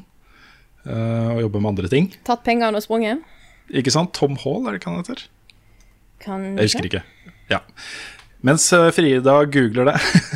Yep. uh, det, som, det som er på en måte faren her, er jo at uh, utviklere bruker Early Access som en mulighet til å tjene penger på uferdige spill. eh, og så tar de pengene og gjør noe annet med de etterpå. Enten stikker og kjøper eh, dyre biler eller noe sånt, eller eh, med, går, går lei da, og begynner med sitt neste spill. Um, så, jeg, så jeg vet ikke. Det har på en måte skapt en, en eh, veldig fin modell for finansiering av spillutvikling. eh, men det har også skapt en veldig skummel modell for at liksom folk bare prøver prototyper av spill i all evighet. Altså De prøver en prototyp av et spill, blir lei av det, prøver en ny prototyp av et spill, blir lei av det osv. At man ikke får den derre eh, kulturelle eh, muskelen da, som, eh, som et ferdig spill kan ha. Ja, fordi jeg, jeg, jeg skjønner for, eh, for spillutviklere at det er en enkel måte å gjøre det på for å eh, opprettholde finansiering for spillet sitt. Eh, for da å finpusse et spill og faktisk få det ferdig tar lang tid. Eh, så der, da jeg skjønner eh, den interessen for å lansere noe i Early Access, og dermed kunne få inn litt ekstra penger for å kunne videreutvikle det og faktisk bli ferdig. Men problemet kommer jo når de tjener såpass mye penger på Early Access-spill, og at de liksom har ikke lyst til å gjøre det ferdig. Da vil en aldri kunne få disse ferdige spillopplevelsene. En vil få et spill som er fullt av bugs og er liksom gøy der og da, men du får ikke den der ferdige. Det, Nei. Uh, skjer det ofte? Eller er det liksom Det er Daisy, men fins det mange eksempler på at spill bare har driti i å gjøre seg ferdig på den måten? Er Besiege ute ennå? Uh, nei, det er det ikke. Det er mange, det er mange som ikke er ute ennå. Sånn som Ja. Ark Survival Evolved og sånn også er jo fortsatt i, i Early Access, så vidt jeg har skjønt. Ja. Men, eh, men de driver jo fortsatt og oppdaterer det, da, tenker jeg. Og så lenge de gjør det, så er det for så vidt greit. Ja, eh, ja, det er for så vidt eh, et poeng, det også. Men samtidig så er det også Disse oppdateringene er jo sånne gradvise forbedringer av, av et spill. Det er jo ikke på en måte noe- så ofte eh, en oppdatering av et Early Access-spill er så stor at det endrer på en måte hele spilleopplevelsen eh, til det bedre. Og i praksis, når man kjøper et Early Access-spill, så forhåndskjøper man det ferdige spillet. Det er på en måte det som er begrunnelsen for at det kan ta penger, er at når spillet er ferdig, så trenger du ikke betale noe mer. Du har allerede betalt for spillet. Men eh, hvis spillet aldri blir ferdig, da, hva så, liksom? Altså, hva, hva skjer da? Nei, det, Altså- det er sant. Men jeg tenker samtidig på en måte at um, det er kanskje mest spillet som taper på det i lengden. Fordi jeg tror mange tenker at hvis de lanserer først et Early Access-spill, så har de en kjempestor ferdiglansering når det ferdige spillet kommer. Men det er ofte ikke det som skjer. Den, det ferdige spillet blir bare enda en oppdatering. Og du får liksom bare den første launchen, som var i Early Access. Så jeg vet ikke. Det føles liksom bare som en, en lansering som skjer gradvis, istedenfor en lansering som skjer to ganger. da Ja. Ja, hvis, hvis vi tar uh, Player Announced Battlegrounds også, det har jo solgt nå over to millioner eksemplarer. Uh, hvor mye større enn det er deres potensielle publikum? Det er nok større, men hvor mange millioner mennesker kan man se for seg uh, kommer til å kjøpe det ferdige spillet? Jeg vet ikke om det er så mye høyere enn to millioner. Hvis du har, la oss si du har en økonomiansvarlig i et spillselskap, da, og ser da at markedet ikke er så mye større. Du, de vil ikke tjene noe på å eh, bruke mer tid på å lage spillet ferdig og få det ut. Hvor eh, interessant er det for eh, spillselskapet å faktisk bruke tid og penger for å få det ferdig og få det lansert? Ja, jeg tror da, jeg tror at eh, Du har et veldig godt poeng der, Frida. Jeg tror at eh, vi egentlig må bare gå ut ifra nå, eh, basert på eh, det vi vet om Early Access-spillmarkedet. At hvis du går inn på det markedet som spiller, hvis du går inn og kjøper Early Access-spill, så må du på en måte ikke forvente deg noe annet enn det du får når du kjøper det. Og folk har det jo kjempegøy med Battlegrounds.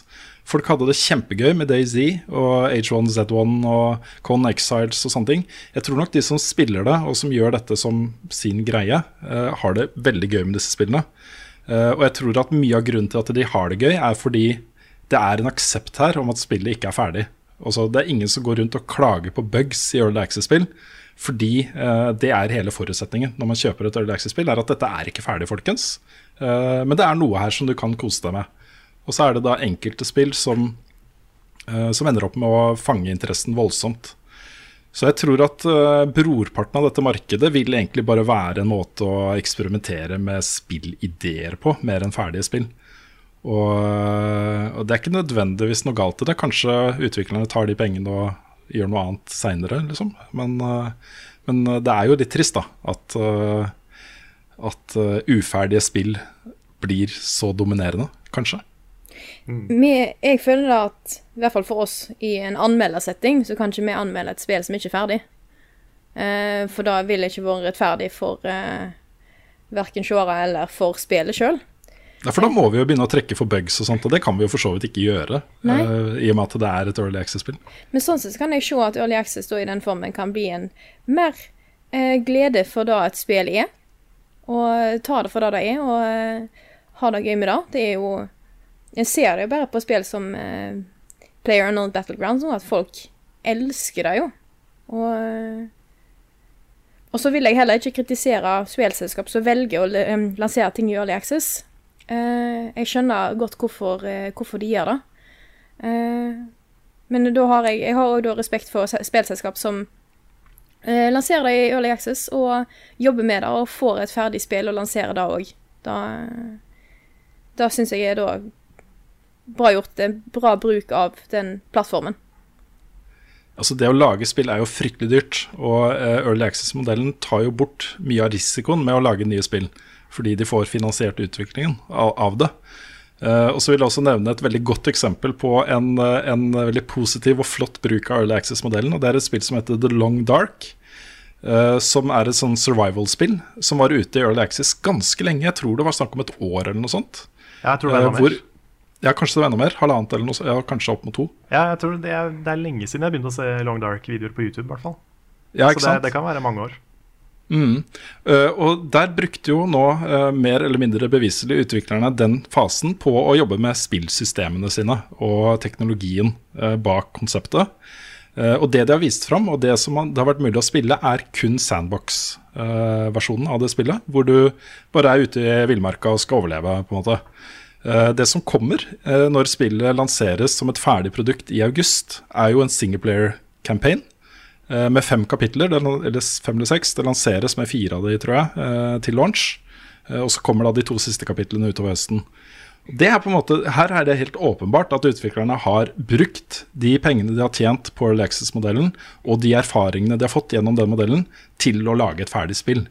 Og da begynner det å bli interessant for, for sånne som meg. Ja, men jeg er helt enig. Det er en utrolig god utnyttelse av den eh, måten å bruke Early Access på. Du får veldig mye gode tilbakemeldinger fra folk om hva som fungerer, og kan bruke det til å jobbe videre med spill. da. Så da, det er mye kult som har kommet ut av Early Access òg. Da, eh, sier jeg ingenting på. Nei, Vi får jo på en måte et direkte innblikk inn i på en måte bare kreative prosesser. Og, og liksom en mulighet til å bare prøve ut ville ideer og sånne ting. Og der er det jo masse kult å ta av, egentlig. Um, så blir på en måte det store spørsmålet, når man allerede har tjent ufattelig mange millioner kroner på, på et Early Access-spill, hvorfor skal man da gidde å bruke masse penger på å gjøre det ferdig, uh, istedenfor å ta de pengene og gjøre noe annet? Nei, jeg, jeg, ser jo den. Jeg er bare usikker på hvor vanlig det er at det skjer. For vi, vi kjenner jo til liksom Daisy-historien, men den ble jo en kjempesvær greie pga. det. Så jeg vet ikke om, om, det skjer ofte, eller om det, liksom, om det blir en stor greie hvis det skjer. da. Hvis det kommer ut at en utvikler har uh, eh, droppa et prosjekt som har solgt masse. Får vi vite om det, liksom? Eller uh, er det noe som skjer hele tida? Jeg tror mye av grunnen til at ikke det har vært mer blest rundt akkurat uh, den issuen til nå, er at uh, um, Early Access-spillebasen er ganske flyktig. Altså, de migrerer mye fra uh, spill til spill. Og hvis uh, på en måte si én million mennesker har spilt uh, H1Z1 eh, Hvis det er sånn man uttaler det, jeg vet ikke. Nei. Eh, hvis det tallet liksom plutselig krymper til eh, 100 000, eller eh, 50 000 eller 40 000, så er det på en måte ikke nok mennesker der som går rundt og maser om at spillere skal bli ferdig, til at, at det er, er så viktig lenger. da. Eh, de har migrert videre til, eh, til eh, Battlegrounds, f.eks., eller Con, Exiles. Mm. Men da, da ble på en måte det spillet, føler jeg også. Mm. At hvis, hvis spillet kom, ble en suksess, og så la det seg, da var det på en måte det spillet var. Jeg vet ikke. Ja, men det var ikke ferdig. Nei, det, det, var, det var ikke ferdig. Det var ikke ferdig. Men jeg vet ikke om folk på en måte Jeg vet ikke hvor viktig det er for de som kjøper Early Access-spill, det løftet om at det blir ferdig, eller om de kjøper det for å spille det som det er nå, for å ha det gøy med det Mm. der og da. da. Jeg tror det siste er ganske riktig også. Jeg tror folk spiller Battlegrounds fordi de har det gøy. Ja, ja, jeg også tror det. At det er ikke fullt så mye det der løftet om at det kommer til å bli mye mer. Eh, det er samme når jeg spiller Besiege. Det spiller jeg fortsatt en del. Bare sånn for å slappe av. Jeg spiller jo det fordi det er gøy. Det er ikke fordi jeg liksom er superinvestert i at det kommer til å bli noe mer. Nødvendigvis. Men en ting som, eh, som jeg syns er veldig frustrerende, det er jo spill som ikke er tydelige på at de er uferdige. Sånn som Et primæreksempel er jo et spill som kom ut i fjor, i sommer i fjor, som heter We Happy Few. Som Ja. eh, hadde en dritkul trailer på E3. Som vi bare Vi kasta jo penner alle sammen, fordi det, det var så stilig. Fikk litt sånn Bioshock-vibes og litt sånn horror-stil. Og så kommer det ut i en Early Access-versjon hvor du bare Jeg måtte leite litt for å finne ut at lanseringsdatoen var for Early Access. Og så var det bare et sånn halvdårlig survival-spill uten story, for storyen var ikke ferdig. Det syns jeg er dårlig. Der må de være klare på at dette er en Early Access-versjon. Det er dette her du får. Det, det, det vi solgte på E3, det er ikke ferdig før om lenge, liksom. Så det er også sånn som Pokémon Go, når det kommer ut og er så uferdig som det var. Det, det er ikke greit. Da burde det vært en eh, så Kanskje til og med bare gitt deg mye mer gratis i spillet fordi det var så uferdig som det var. Og så er det jo også et poeng eh, på den positive siden av Early Access uh, at uh, her i Norge, da, med norske øyne, nå får jo Funcom muligheten til å vokse. Eh, og det har jo gått ut og sagt at de skal ansette 20-30 nye folk eh, for å gjøre ferdig Con og jobbe med to mindre prosjekter eh, som ikke de har annons annonsert ennå. Og hvis, hvis dette fortsetter, hvis på en måte den solide økonomien som har kommet inn i Funcom igjen, får fortsette, så blir jo det en, en sånn katalysator for veldig mye spennende i Norge. Både ved at norske spillutviklere eh, kan få en interessant jobb et sted, og at kanskje investeringsviljen eh, fra samfunnet for øvrig vokser litt. At det er lettere å få inn penger i spillutvikling. Så eh, jeg tror for Norge og for Funcom så har suksessen til Conan Exiles vært innmari viktig og bra. Og så blir jeg som spillkritiker og, og sånt veldig happy da, hvis de faktisk klarer å gjøre ferdig spillet. Og så lage et ferdig produkt av det, som de kan stå for og gå ut og si at nå er spillet vårt ferdig. eh, Alt funker, dette er det spillet vi har lyst til å lansere, med alle de nye tingene vi har utvikla gjennom Early Access-fasen. Eh, Here we go, guys. Eh, Ha det, ha det fett, liksom. Det, hvis det ender der, så er det en happy historie for min del. Ja, for det, det føler jeg også må være en forventning. At det skal bli ferdig en dag. Om det så tar fem år, så i hvert fall ikke gi deg med det før det er ferdig.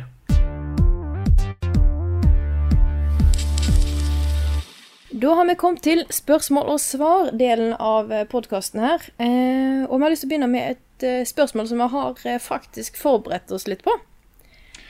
Første gang på lenge. Ja, ja. Dette, dette har jo ikke skjedd før. Og nå har jeg selvfølgelig eh, klart å legge det på en lur plass her. Skal vi se her.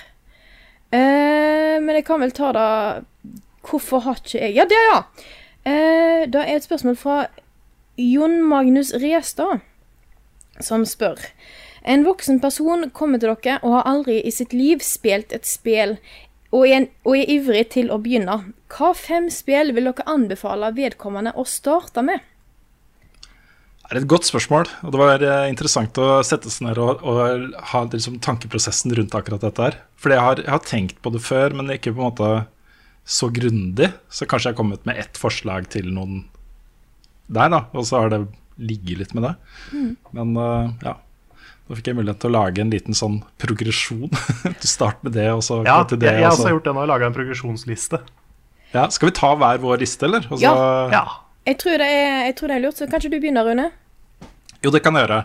Jeg har tatt utgangspunkt i at det er en voksen person eh, som er eh, genuint nysgjerrig på mediet og er, har veldig lyst til å begynne.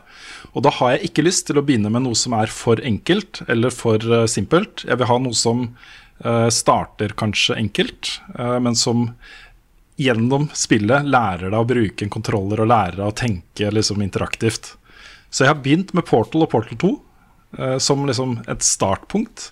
Det er gode historier, veldig bra gameplay, lærer deg masse mekanikker om hvordan spillverdenen fungerer og sånne ting, og blir gradvis mer og mer avansert. Så eh, jeg har tatt de under ett, Portal og Portal 2. Eh, mener det er et utro, utrolig bra sted å starte som voksen eh, person. Uh, og så uh, har jeg lyst til å vise dere litt uh, hvor voksne spilleopplevelser kan være, uten at det blir for avansert. Men det krever en del av det likevel. Men du kan bruke på en måte vanlig deduksjon. Bare du har blitt litt vant til interaktive verdener, så kan du bruke litt kløkt for å komme deg videre. Og det er selvfølgelig inside.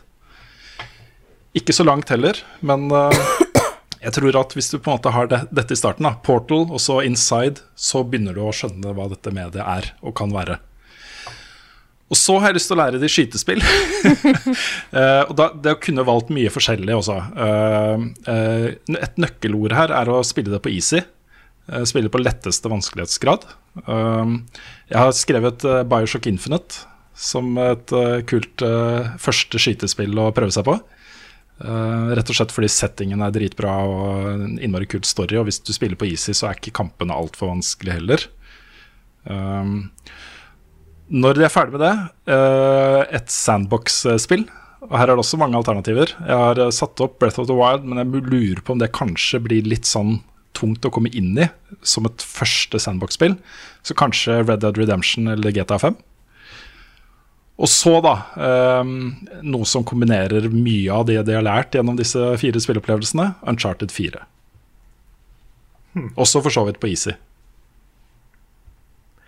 Ja. Vi har, eh, vi har noen til felles. Ja? Det, det har vi. Skal Har du jeg, lyst til å jeg ta den? Ja? Ok. Eh, da må jeg få lov å spørre vår eh, fantastiske nye programleder Frida om jeg får lov å jukse litt. Har du seks spill på en liste du kan? Jeg har ti. Men det en veldig, jeg har en veldig sånn fin progresjon, føler jeg, da. Så det er derfor Ja. jeg har tid. ja, men det går fint. Jeg kan gå veldig Eh, kjapt gjennom de. Du skal få lov. Er, okay, bare, bare så lenge du eh, begrunner eh, svarene dine, så går det greit. Ja, for, for begrunnelsen sånn kommer i nummer ti, nemlig. OK. Ja. I hvert fall sånn jeg har tenkt. Mm. Eh, jeg har også tatt utgangspunkt i at det er en voksen person som er, som er nysgjerrig, men kanskje litt usikker på hva spill er for noe. Så jeg har på en måte lyst til å få fram sånn bredden i hvor mye forskjellig som fins. Det, har vært, eh, vært min tankegang. Så jeg begynner med The Witness. Som et sånt uh, Fordi det er 3D, så du kan liksom lære deg å bevege deg i 3D-space. Uh, men det er ingenting som, uh, som krever at du er kjapp, eller at du liksom hvis du, I hvert fall hvis du ser bort fra den der time trial-challengen på slutten. Du må ikke gjøre den. Men eh, den er på en måte Du kan ta deg liksom god tid til å utforske en verden, gjøre puzzles. Litt sånn sudoku-greie. Jeg ser for meg liksom Jeg ser litt for meg bestefar som den personen som er en person som er veldig glad i kryssord og sudoku og sånn. Så derfor vil jeg begynne med The Witness. Eh, og så går jeg videre til Portal 2. Eh, fordi det er litt lettere enn Portal 1. Det er, det er litt mindre sånn Twitch, eh, kjappe reflekser og sånn enn det er i det første Jeg er ikke sikker på om jeg er eh, helt enig, altså. Jo, Fordi eh, eller nei. men, eh, men Portal 1 så er det veldig mye sånne speed-ting. Ja, det er en god del av det i Portal 2 også, særlig når det begynner å komme til eh, maling av forskjellige farger og Ja, men det er ikke sånn Du må ikke være like kjapp med liksom okay. hopping og, og skyting og sånn. Det er greit, jeg skal gi meg. Jeg skal, ikke, mer- jeg skal ikke krangle på det. Mye mer skill. sånn ja, Twitch-reflekser og sånn i eneren. Føler jeg, da. Det er mulig jeg husker feil, men jeg, jeg tror, det, tror det var det. Og så eh, tar jeg et skritt tilbake til Super Mario World. For å gå liksom helt tilbake til plattformspill. For å gi et sånn lite perspektiv på hvor alt kom fra. Og ting som fortsatt er gøy, da, som fortsatt holdt seg. Eh, etter det så eh, tar vi et skritt fram igjen til Banjo Kazooie. Bare en, eh, en litt sånn casual gjennomspilling av det. For å hoppe fra 2D-plattformspill til 3D. Og så, når du er ferdig med de fire, da er du klar for Breath of the Wild. Første, liksom, den første store verden som man bare kan forsvinne ned i. Og så er det på tide å liksom gå inn i litt sånn rare ting igjen, så da har jeg satt Her Story. Som er eh, kanskje det mest unike spillet jeg har spilt de siste åra. Bare fordi det er ingenting annet som ligner. Og hvis man er glad i liksom krim og sånn, så er det helt eh, perfekt. Eh, neste er Krono Trigger. Da har jeg lyst til å introdusere folk for et litt sånn hardcore JRPG. Og Krono er et spill som til og med de som ikke liker den sjangeren, syns er helt fantastisk. Så det, det føler jeg er det perfekte spillet å introdusere der. Så som nummer åtte så har jeg satt Minecraft. Bare leke seg i Minecraft så lenge man har lyst til det. På nummer ni tenkte jeg å gi dem en sånn skikkelig hardcore opplevelse. Så derfor så har jeg satt Bloodborne der. Bare sånn hopp inn i Bloodborne, se åssen det går. ikke, no, ikke noe krav om at de runder det, bare liksom spill det. Se hva, se hva de syns. Og nummer ti, eh, og grunnen til at det er nummer ti, det er fordi man må ha spilt litt andre spill for å sette 100% pris på det. Og det er Undertale. Ja. Jeg, jeg føler at du, liksom, du må ha spilt en del for å sette pris på alle de der tropesa som Undertale eh, setter på huet. da. Så det er, det er grunnen til at det er ti. Kort og Ja. greit. All right. Eh, jeg har hatt litt sånn eh, problem med å definere personen som jeg skal anbefale dette til. Fordi at eh, jeg har tenkt at dette Altså, jeg merker at eh, Jeg tror jeg har tatt utgangspunkt i at personen min er litt mer skeptisk, kanskje. Ikke har prøvd noen ting, og kanskje skal starte litt mer basic. Eh, og i stedet for å ha en progresjon, så har jeg mer fem spill som jeg syns er en god måte å få oppleve hva spillmediet kan være, uten å gå for det altfor tunge. Eh, og da tatt utgangspunkt i spill som kanskje ikke er så lange, sånn at du lettere kan få eh, sett litt ting. Eh, men likevel kan komme eh, inn i hvordan ting funker. Og da for å på en måte starte på en grei eh, plass, så vurderte Jeg hadde lyst til å ta et plattformspill, bare for å vise hvordan kontrollere funker og sånne ting. Og jeg hadde tenkt til å ta Super Mario World, eh, men jeg hadde lyst til å ta noe litt nyere.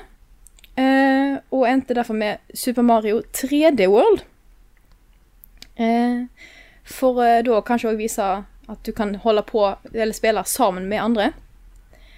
Eh, og så tenker jeg at mange eh, personer som kanskje ikke har vært bort i eh, eh, eh, kanskje har vært, vært med bort i altså sett serier, eh, filmer og sånne ting, og derfor et storyspill eh, kan være lettere å komme inn i.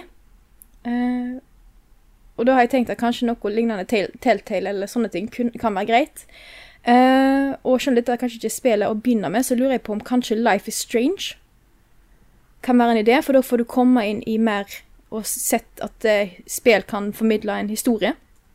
Eh, Så jeg har jo lyst til å få fram eh, den kreative delen som spill kan uh, stå for. Og jeg vurderte Minecraft, men jeg har heller lyst til å få fram uh, Terraria. Uh, rett og slett for jeg syns at der har du mer muligheter, og det er litt mer utforsking. Og pluss at jeg har også tatt i utgangspunkt i at det er en del folk som ikke takler eh, kameravinkel i Minecraft, som inkluderer meg. Så, så jeg bare utelukker det.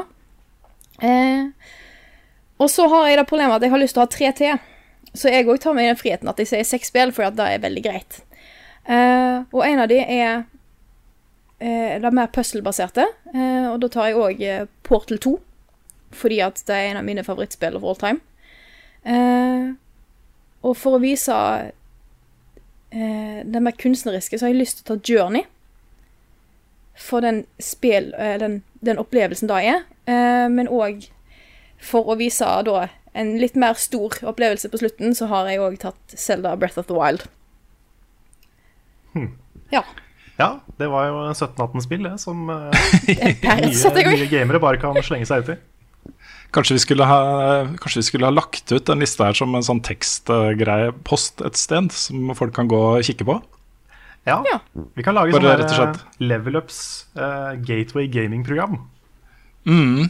Som er sånn derre eh, Ja, litt sånn der Litt sånn som de der eh, listene over hva, hva du skal få i deg i løpet av en dag. Ja, ja. Sånn av næring og sånn. Vi bare lager det for spill. Altså, det er et program. På disse tre timene så skal du spille det. Og så i morgen så går vi over på det. Da skal du lære litt om det.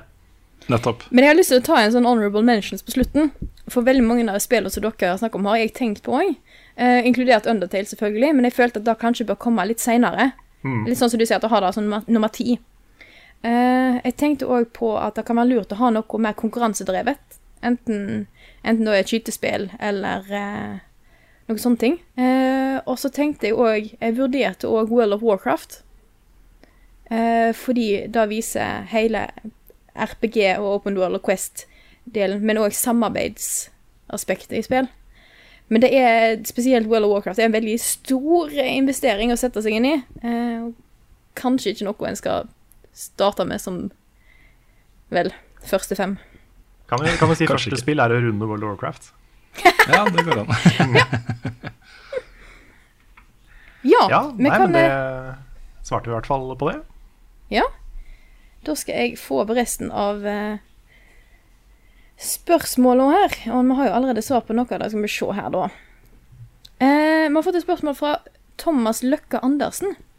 Som spør har dere tenkt ut noen ideer hvordan dere kan inkludere seere slash community enda mer i det dere gjør? F.eks. invitere inn til spill på stream, sånn som dere gjorde på sist stream. Eh, konkurranser der du kan vinne og lage en video eller podkast med dere. Seerbidrag og lignende. Ja, altså vi, i, I utgangspunktet så gjør vi for lite av det. Eh, men så er også forklaringen på hvorfor vi eh, ikke gjør mer av det, eh, handler mye om tid. Altså hva vi har tid til å gjøre. Uh, noe av dette, som f.eks. å sette oss ned og spille sammen med folk, uh, det, er, det er jo, tar jo tid.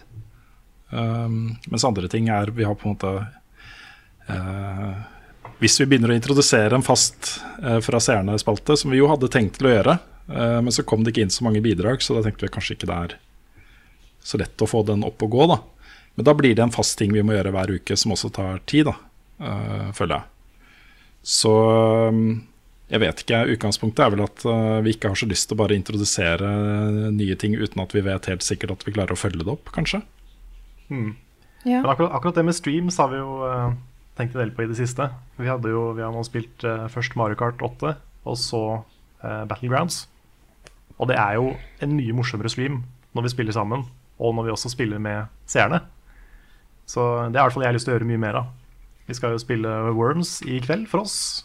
Og da håper jeg også det kommer inn noen, eh, noen fra chatten som vil være med å spille.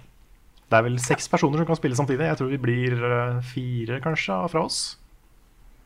Så det er jo eh, i hvert fall i hvert fall én, kanskje to ledige plasser til andre. Så det håper vi at vi får til. Men det, det har jeg lyst til å gjøre mer av, for det er kjempe, kjempegøy. Men da, er- da han skriver da med konkurranser der du kan eh, vinne og være med på podkast eller sånne ting, er jo, eh, er jo en idé. Ja, I utgangspunktet så er det egentlig bare å sende oss innslag hvis du vil, eh, eh, hvis du vil sende det inn som gjesteinnslag. Da ser vi jo på det, og så eh, hender det at vi velger ut innslag som vi legger ut på kanalen. Det har vel skjedd eh, et par ganger, er det ikke det? Jo, det er vel et par, par ganger. Mm. Så har noen sendt oss en video, og så har vi posta det som et gjesteinnslag. Så det er, det er bare å gjøre hvis du har noe du vil lage. Men den fra seerne-spalten har jeg veldig lyst til å få inn igjen også. Eh, så, så, så det hadde vært kult. Det tar litt tid å klippe det, men, og eh, ikke minst gå gjennom alle bidragene og sånt. Men, eh, men det er en veldig fin spalte. Mm. Det er jo det. Veldig. Det hadde som, kanskje, hadde kanskje godt å ha hatt det månedlig. Kanskje. Kanskje. Det som på en måte jeg føler er litt sånn hinder for å gjøre mange av disse kule tingene, er jo at vi, eh, vi ikke på en måte sitter samla på et kontor og kan liksom dra ting i fellesskap videre. Eh, på samme måte. Vi blir litt sittende for oss selv eh, med hver vår ting. og da Det er så mye lettere å få til en sånn spalte hvis vi allikevel er på kontoret sammen, Karl. Ikke sant? Og kan bare sette på et kamera og så bare sitte og prate og vise fram ting. Og så skrur vi av kameraet, klipper det og publiserer det med en gang. liksom.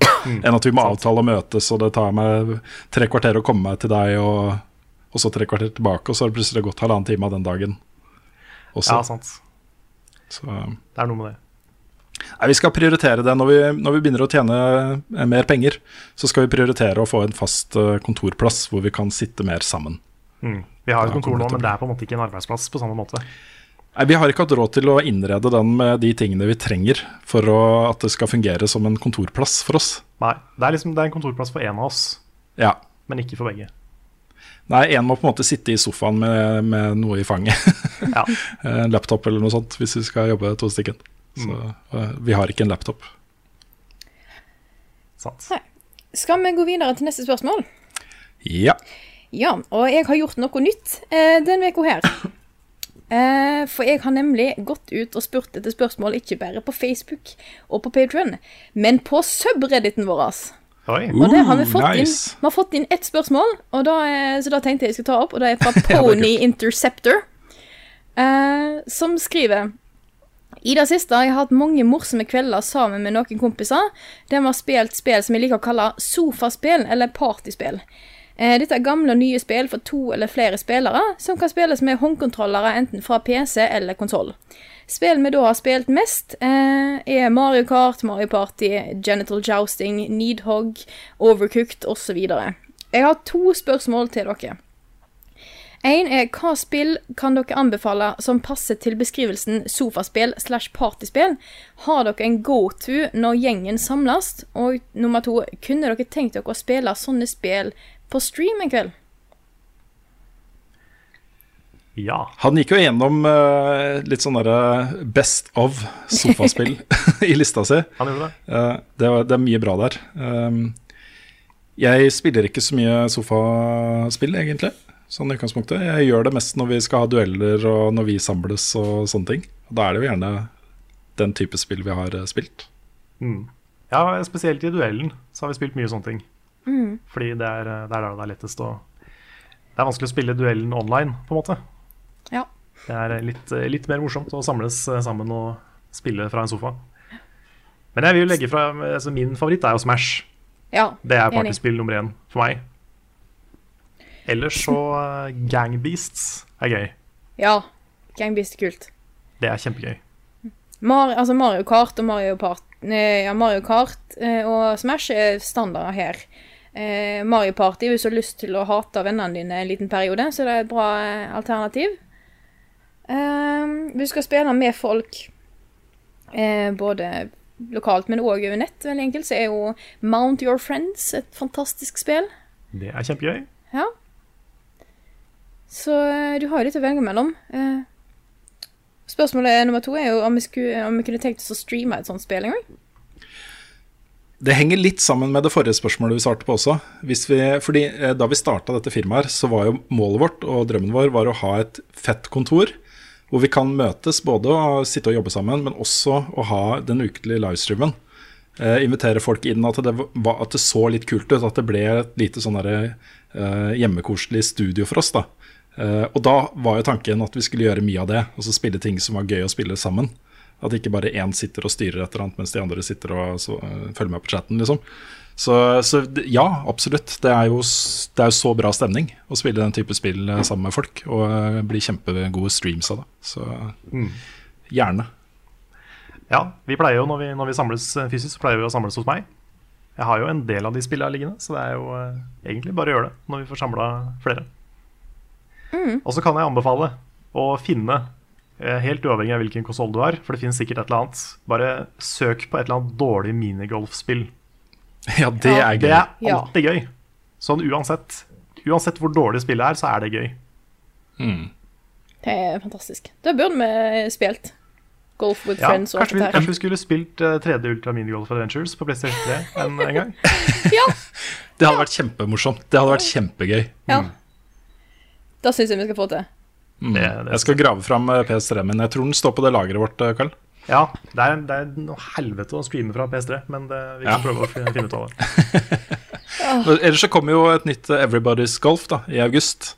Å ja. Eh, og, det, og det er jo ikke like crazy som uh, uh, eh, Ultra Minigolf Adventure. Da, Hva er det det heter?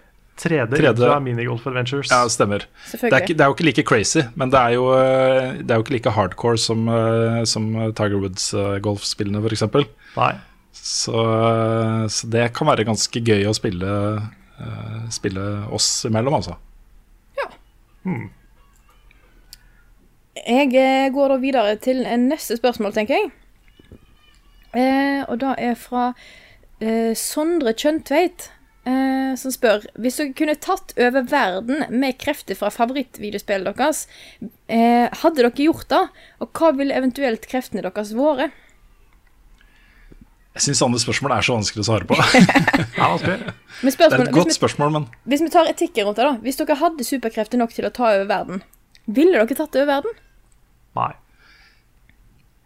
Jeg vet ikke, hvordan definerer man ta over verden, egentlig? Det er vel mer det. Også jeg, jeg tenker at hvis, hvis jeg hadde eh, evner til å få slutt på eh, hungersnød og krig og sånne ting, og ikke brukt det, så ville jo det vært eh, ganske fælt. Altså det hadde stridig mot eh, mot alt jeg er, på en måte. Så jeg hadde nok prøvd å gjøre verden et bedre sted. ja, jeg føler, jeg, det er forskjell på å redde verden og ta over verden. Ja. Ja. Men eh, det ville jeg også gjort. Jeg ville, jeg ville prøvd å være superhelt hvis jeg kunne være det.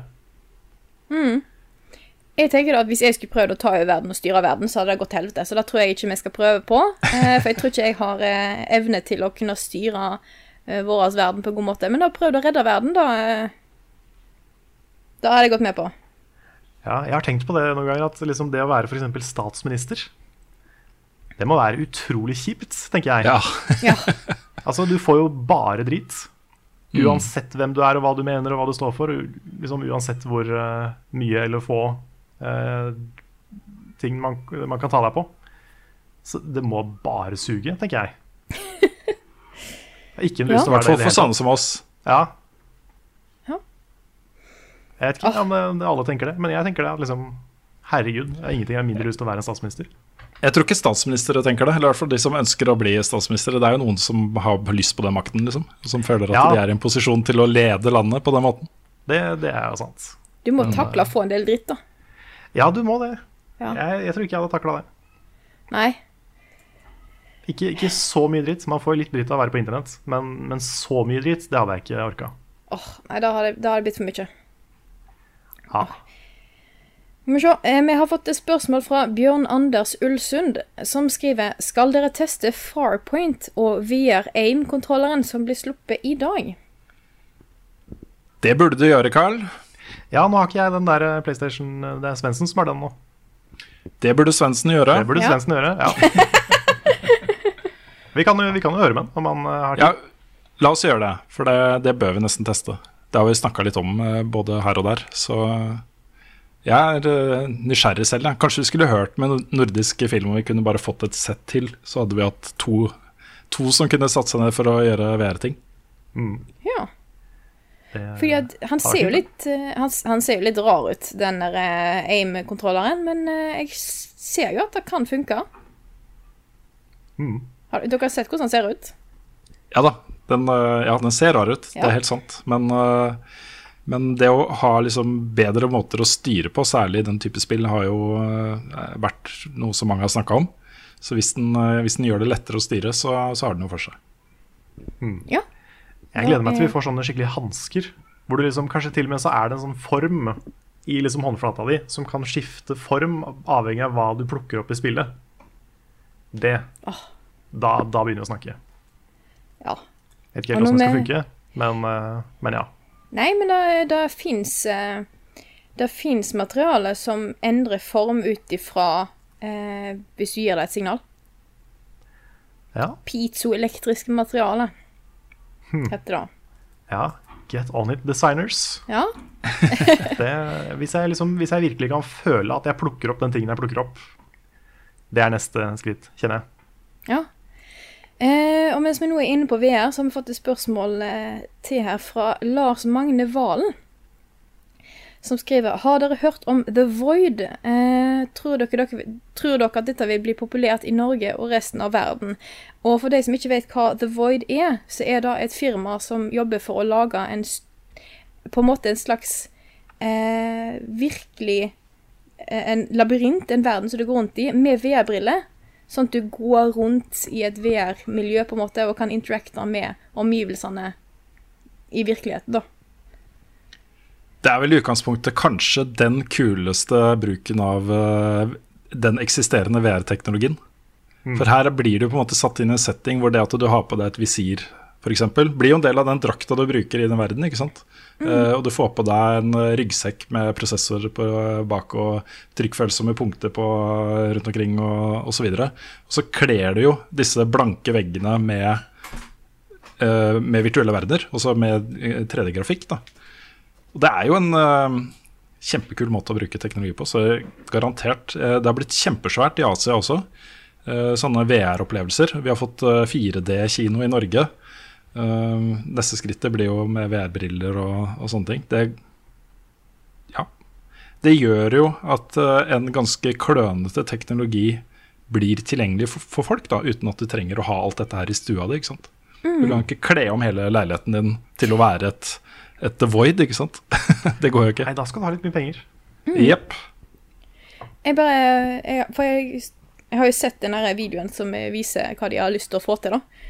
Og så lenge du får til at du kan gå rundt uten å være hemma, og at du har ledninger som stikker ut og sånne ting, og at eh, ting Eller sånn som det fungerer, så tror, jeg har jeg trua på at det kan eh, Det er en veldig bra måte å, å bruke den teknologien som er tilgjengelig nå, og eh, det at den teknologien bare Når det vil bli bedre, så vil du kunne få veldig kule opplevelser der.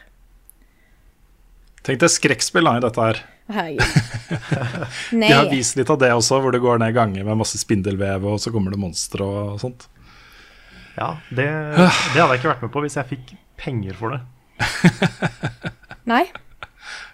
Nei, men eh, jeg, jeg syns konseptet ser kult ut, og jeg tror det er eh, Før vi får eh, headset der du på en måte bare legger deg ned og får masse signaler sendt til hjernen, så tror jeg dette her er neste steg i å få kule VR-opplevelser. Hmm. Når vi får Sword Art Online, da, Ja. da er det over. Nå er verden over. Det er bare Ja. å Det er ikke noe vits lenger. Nei. Eh, skal vi se her. Eh, jeg lurer på, Har dere noen spørsmål dere har eh, sett på at dere vil eh, ha fram? Har dere noen eh, spørsmål fra gulvet her? Jeg har et par stykker som jeg har lyst til å ta med. Ja. Eh, Det ene er fra Martin Rotmo, som først eh, kommenterer eh, gjennomgangstema fra forrige gang, med beskyldninger om å stjele spalter fra andre programmer og sånne ting. Uh, han skriver jeg tenker at med mindre de, dere har stjålet personlighetene til programlederne i disse andre programmene, vil spaltene ha et helt annet innhold med dere som programledere. Ta f.eks. Dilemmas i Radioresepsjonen, eller hva uh, har dere gjort eller spilt den siste uka? Det hadde blitt helt andre svar enn i andre programmer. Spørsmålet mitt denne uka er derfor et dilemma. Bruke kun venstrehånd på PC-musa resten av livet, eller ha skjermoppløsningen 800 ganger 600 på alle TV- og PC-skjermer du bruker for resten av livet? Eh, eh, venstrehånd på datamus. Null stress. Det, det, det, det er ikke et spørsmål engang. Nei, jeg ville valgt det samme. Ja. Jeg tør ikke ofre oppløsning og eh, høy grafikk for, eh, for det. Jeg kan venne meg til å bruke venstrehånd. Det går fint. Åh, det, jeg, jeg vet ikke. Jeg vet ikke, rett og slett. Men uh, hvis, også hvis man bare kløner seg gjennom ting, da. Er det mulig å lære opp venstrehånda til å bli like god som høyrehånda? Da tror jeg Ja, burde være mulig. Ja da. Ja, ok. Da får vi gå ut fra det, og så velger jeg også venstrehånd. Jeg, jeg er for skjermgeek til å velge noe annet. Ja, Ja, jeg, jeg ser den også. Eh, Det andre spørsmålet er ganske kjapt å svare på. Det er fra Sander Lintner Sevland på Patron. Um, lurer egentlig på hva som har skjedd med tidligere Level Up-medlemmer. Um, da snakker jeg bl.a. om Johan Kaos og Julai. Har ikke hørt noe om eller fra dem på en lang stund nå. Uh, for å ta Johan først. Han eh, har jo så mange andre jern i ilden. Uh, og eh, jeg tror bare Da vi ikke kunne betale han godt nok for det lenger, så, så hadde ikke han tid til å prioritere det. Han må prioritere da å gjøre ting som han kan tjene bedre på, rett og slett. Eh, når det gjelder Julai, så møtte jeg henne i går Oi. på gata eh, Nei. på 17. mai. Så det var kjempehyggelig. Hun gikk liksom eh, mot meg, og så eh, så jeg henne, og så uh, tror jeg ikke hun så meg, og så bare sånn Var ikke det Julai? Og så Julai, ropte jeg, og så var det jo henne, da. Så ga henne en klem, og hun så skikkelig bra ut og var med kjæresten sin, tror jeg. Og ja. Det var ordentlig hyggelig å se henne igjen. Så eh, jeg har heller ikke hørt noe fra henne på lenge. Nei. Jeg tror eh, Hun ga seg jo av litt personlige grunner, tror jeg. Hun eh, jeg, jeg tror rett og slett at ikke hun hadde lyst mer Nei. til å jobbe med dette. Nei, vi fikk jo, være- fikk jo testa det litt i en sesong, var det ikke det? Og så Mm. Jeg har ikke fått noen, eh, noen utgående forklaring på det, men, eh, men eh, respekterer selvfølgelig det valget. Så det var, det var synd å miste begge to, egentlig. Det var kule personligheter og hadde liksom sine egne eh, måter å eh, si ting på og lage video på. Så det ble jo et eh, tap for oss at de slutta. mm. ja, Nå er det veldig lenge siden jeg har sett Jurai. Mm. Hun har jeg aldri hilst på. Nei. Det har vært hyggelig å catche Faktisk. opp. Vi får uh, invitere hele gjengen på noe sånn gathering en gang. Toårsjubileet vårt. Ja. Da er. Eller premierefesten for uh, TV-programmet vårt. Åh, ja, det hadde vært gøy. Mm. når du, når det kommer til sånne som uh, Bjørn og Audun, så er jo Audun redaktør i Gamer nå. Mm. Eh, så han har jo mye Det går jo mye tid på det. Og Bjørn er jo student, og i tillegg en av toppfolka i Desicon. Så han også bruker mye tid på, på andre ting. Men de er eh, det, er ikke, det er ikke fordi vi ikke vil ha dem her, for å si det sånn. De er jo hjertelig velkommen så fort de har tid og lyst til å gjøre noe. Audun dukker vel kanskje opp i streamen. Uh, Ja, Audun Streamen dukker vår. opp i Worms eh, i kveld. Det blir veldig hyggelig. Mulig Bjørn også dukker opp. Han sa kanskje. ja, og om ikke annet så skal vi i hvert fall være på Retrospill-messen Man til helgen. Det skal vi. Ja. Hadde du et uh, spørsmål å ta opp, Carl? Ja, jeg kan, ta, jeg kan ta det litt sånn kjapt. Vi har ikke snakka så mye om det, så vidt jeg kan huske. Men det er fra Martin Myhre, Myhrild Nei, Myrli Herfjord. Hvordan syns dere det er å være på YouTube for tiden? Vet mange youtubere sliter med demonetizing og reklameboikott pga. drøy humor, f.eks. H3H3 og PewDiePie. Noe dere også har litt av, og som absolutt kler dere. Eh, sliter dere med dette? Er dere trygge på YouTube som plattform fremover? Vi har jo ikke et like stort problem fordi vi ikke har reklameinntekter. Det redder oss på veldig mange måter. Men om YouTube er trygg som plattform, det er jo noe man aldri vet. Nei, det er sant. For der, der kan et, et liksom, et sånn bitte lite algoritmeskifte på YouTube kan ha kjempestore konsekvenser for kanaler. kanaler. Og det er en risiko man, eh, man bare må akseptere når man driver med YouTube. Ja, eller når man driver med video. Altså, du må bli rimelig megasvær før du kan begynne å utvikle din egen plattform og bare uh, skyfle folk inn dit. Det er jo enkelte av disse som vokste seg, vokste seg store på YouTube, som har gjort det i USA. Uh, lagd sine egne plattformer, som er deres egne lukka universer, og hvor de har full kontroll på videoplattformen osv. Uh, men det, da, må det også, da må du ha så mye folk, uh, så mye seere, at eh, eh, ja, vi er langt unna muligheter der, tror jeg. Men, eh, men det er jo en sånn Det å overlate redaktøransvaret til en eh, kommersiell aktør Det er ikke akkurat det vi gjør, da, men at de med et pennestrøk kan endre hele vårt livsgrunnlag, eh, er jo ikke eh, i utgangspunktet megatrygt. Eh, men samtidig så går jeg ikke rundt og er bekymra for at det skal skje med det første. Så Nei, nei det, er, eh, det er komplisert. Jeg føler veldig mye Jeg tror nesten alle de store youtuberne har minst én video hvor de snakker om hvor vanskelig det er å drive med YouTube. Fordi sånne ting kan skje. Og jeg har jo sympati med det. Jeg har jo eh, jeg har ikke følt så mye på det sjøl nødvendigvis, men jeg har liksom Jeg ser hvor farlig det er, da. Spesielt fordi reklameinntekter på YouTube det er noe som veldig mange tror er kjempemasse penger. Men du skal ha ganske mange millioner hits for å kunne leve av det. Sånn om dagen, liksom. Det er, eh, det er så lite penger per, eh, per 1000 klikk, eller hva det er for noe. At det er mye mindre enn det jeg tror mange går og tenker. Så for oss er det jo så å si ikke et tap å ikke ha reklame. Det er, det er snakk om så lite penger. Spesielt i Norge så er det på en måte så å si umulig å leve av reklame da, på YouTube. Så det at folk føler seg stressa når sånne ting bare plutselig blir innført, det, det skjønner jeg veldig godt. Vi får eh, ta den diskusjonen igjen eh, når vi har runda 100 000 abonnenter og må eh, seriøst vurdere reklame på YouTube. Vi får se. Ja. Yes. Uh, ja. Jeg merker litt at stemma mi begynner å ta kvelden. Uh, så jeg lurer på om uh, Og nå har vi snart snakka i to timer, så jeg lurer på om det er tid for å runde av denne podkasten. Hvis ikke dere har noe mer dere har lyst til å ta opp. Nei, nå sitter jeg bare og gleder meg til hvordan du skal runde av denne podkasten, Frida. Så det er bare å kjøre på. Ja, jeg vil bare- si at jeg var så glad for at du tok med både min tabbeintro og tabbeoutro sist gang. Det var veldig, veldig gøy. Bare hyggelig. Ja. Men da vil jeg først og fremst eh, si tusen takk til alle dere som støtter oss på Patron. Eh, uten dere kunne vi annet ikke lagd denne podkasten her, der jeg sliter med både å lage intro og outro. Eh, så da gjenstår det egentlig bare å eh, takke for oss. Eh, takk til Rune og Karl, som er med i min håper jeg podkast. Min podkast, der jeg er programleder og alt dette her. og så takke for at dere hørte på denne episoden av Level Backup. Så da snakkes vi igjen neste uke. Ha det bra.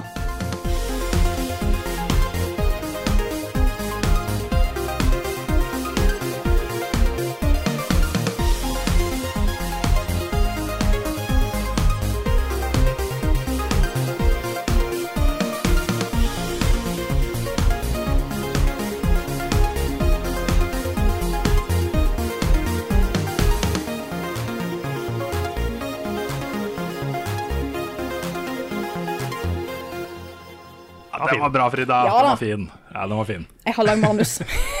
Ja, kjempebra. Jeg har gått rundt og, og tenkt så mye på dette her, og eh, bare hatt det fælt og bare venta på eh, i, i går når podkasten Nei, i går, så jeg, i forrige uke når podkasten kom ut. Bare venta på å høre på at det, Har du et enkeltpersonforetak eller en liten bedrift? Da er du sikkert lei av å høre meg snakke om hvor enkelt det er med kvitteringer og bilag i fiken, så vi eh, gir oss her, vi. Fordi vi liker enkelt. Fiken superenkelt regnskap.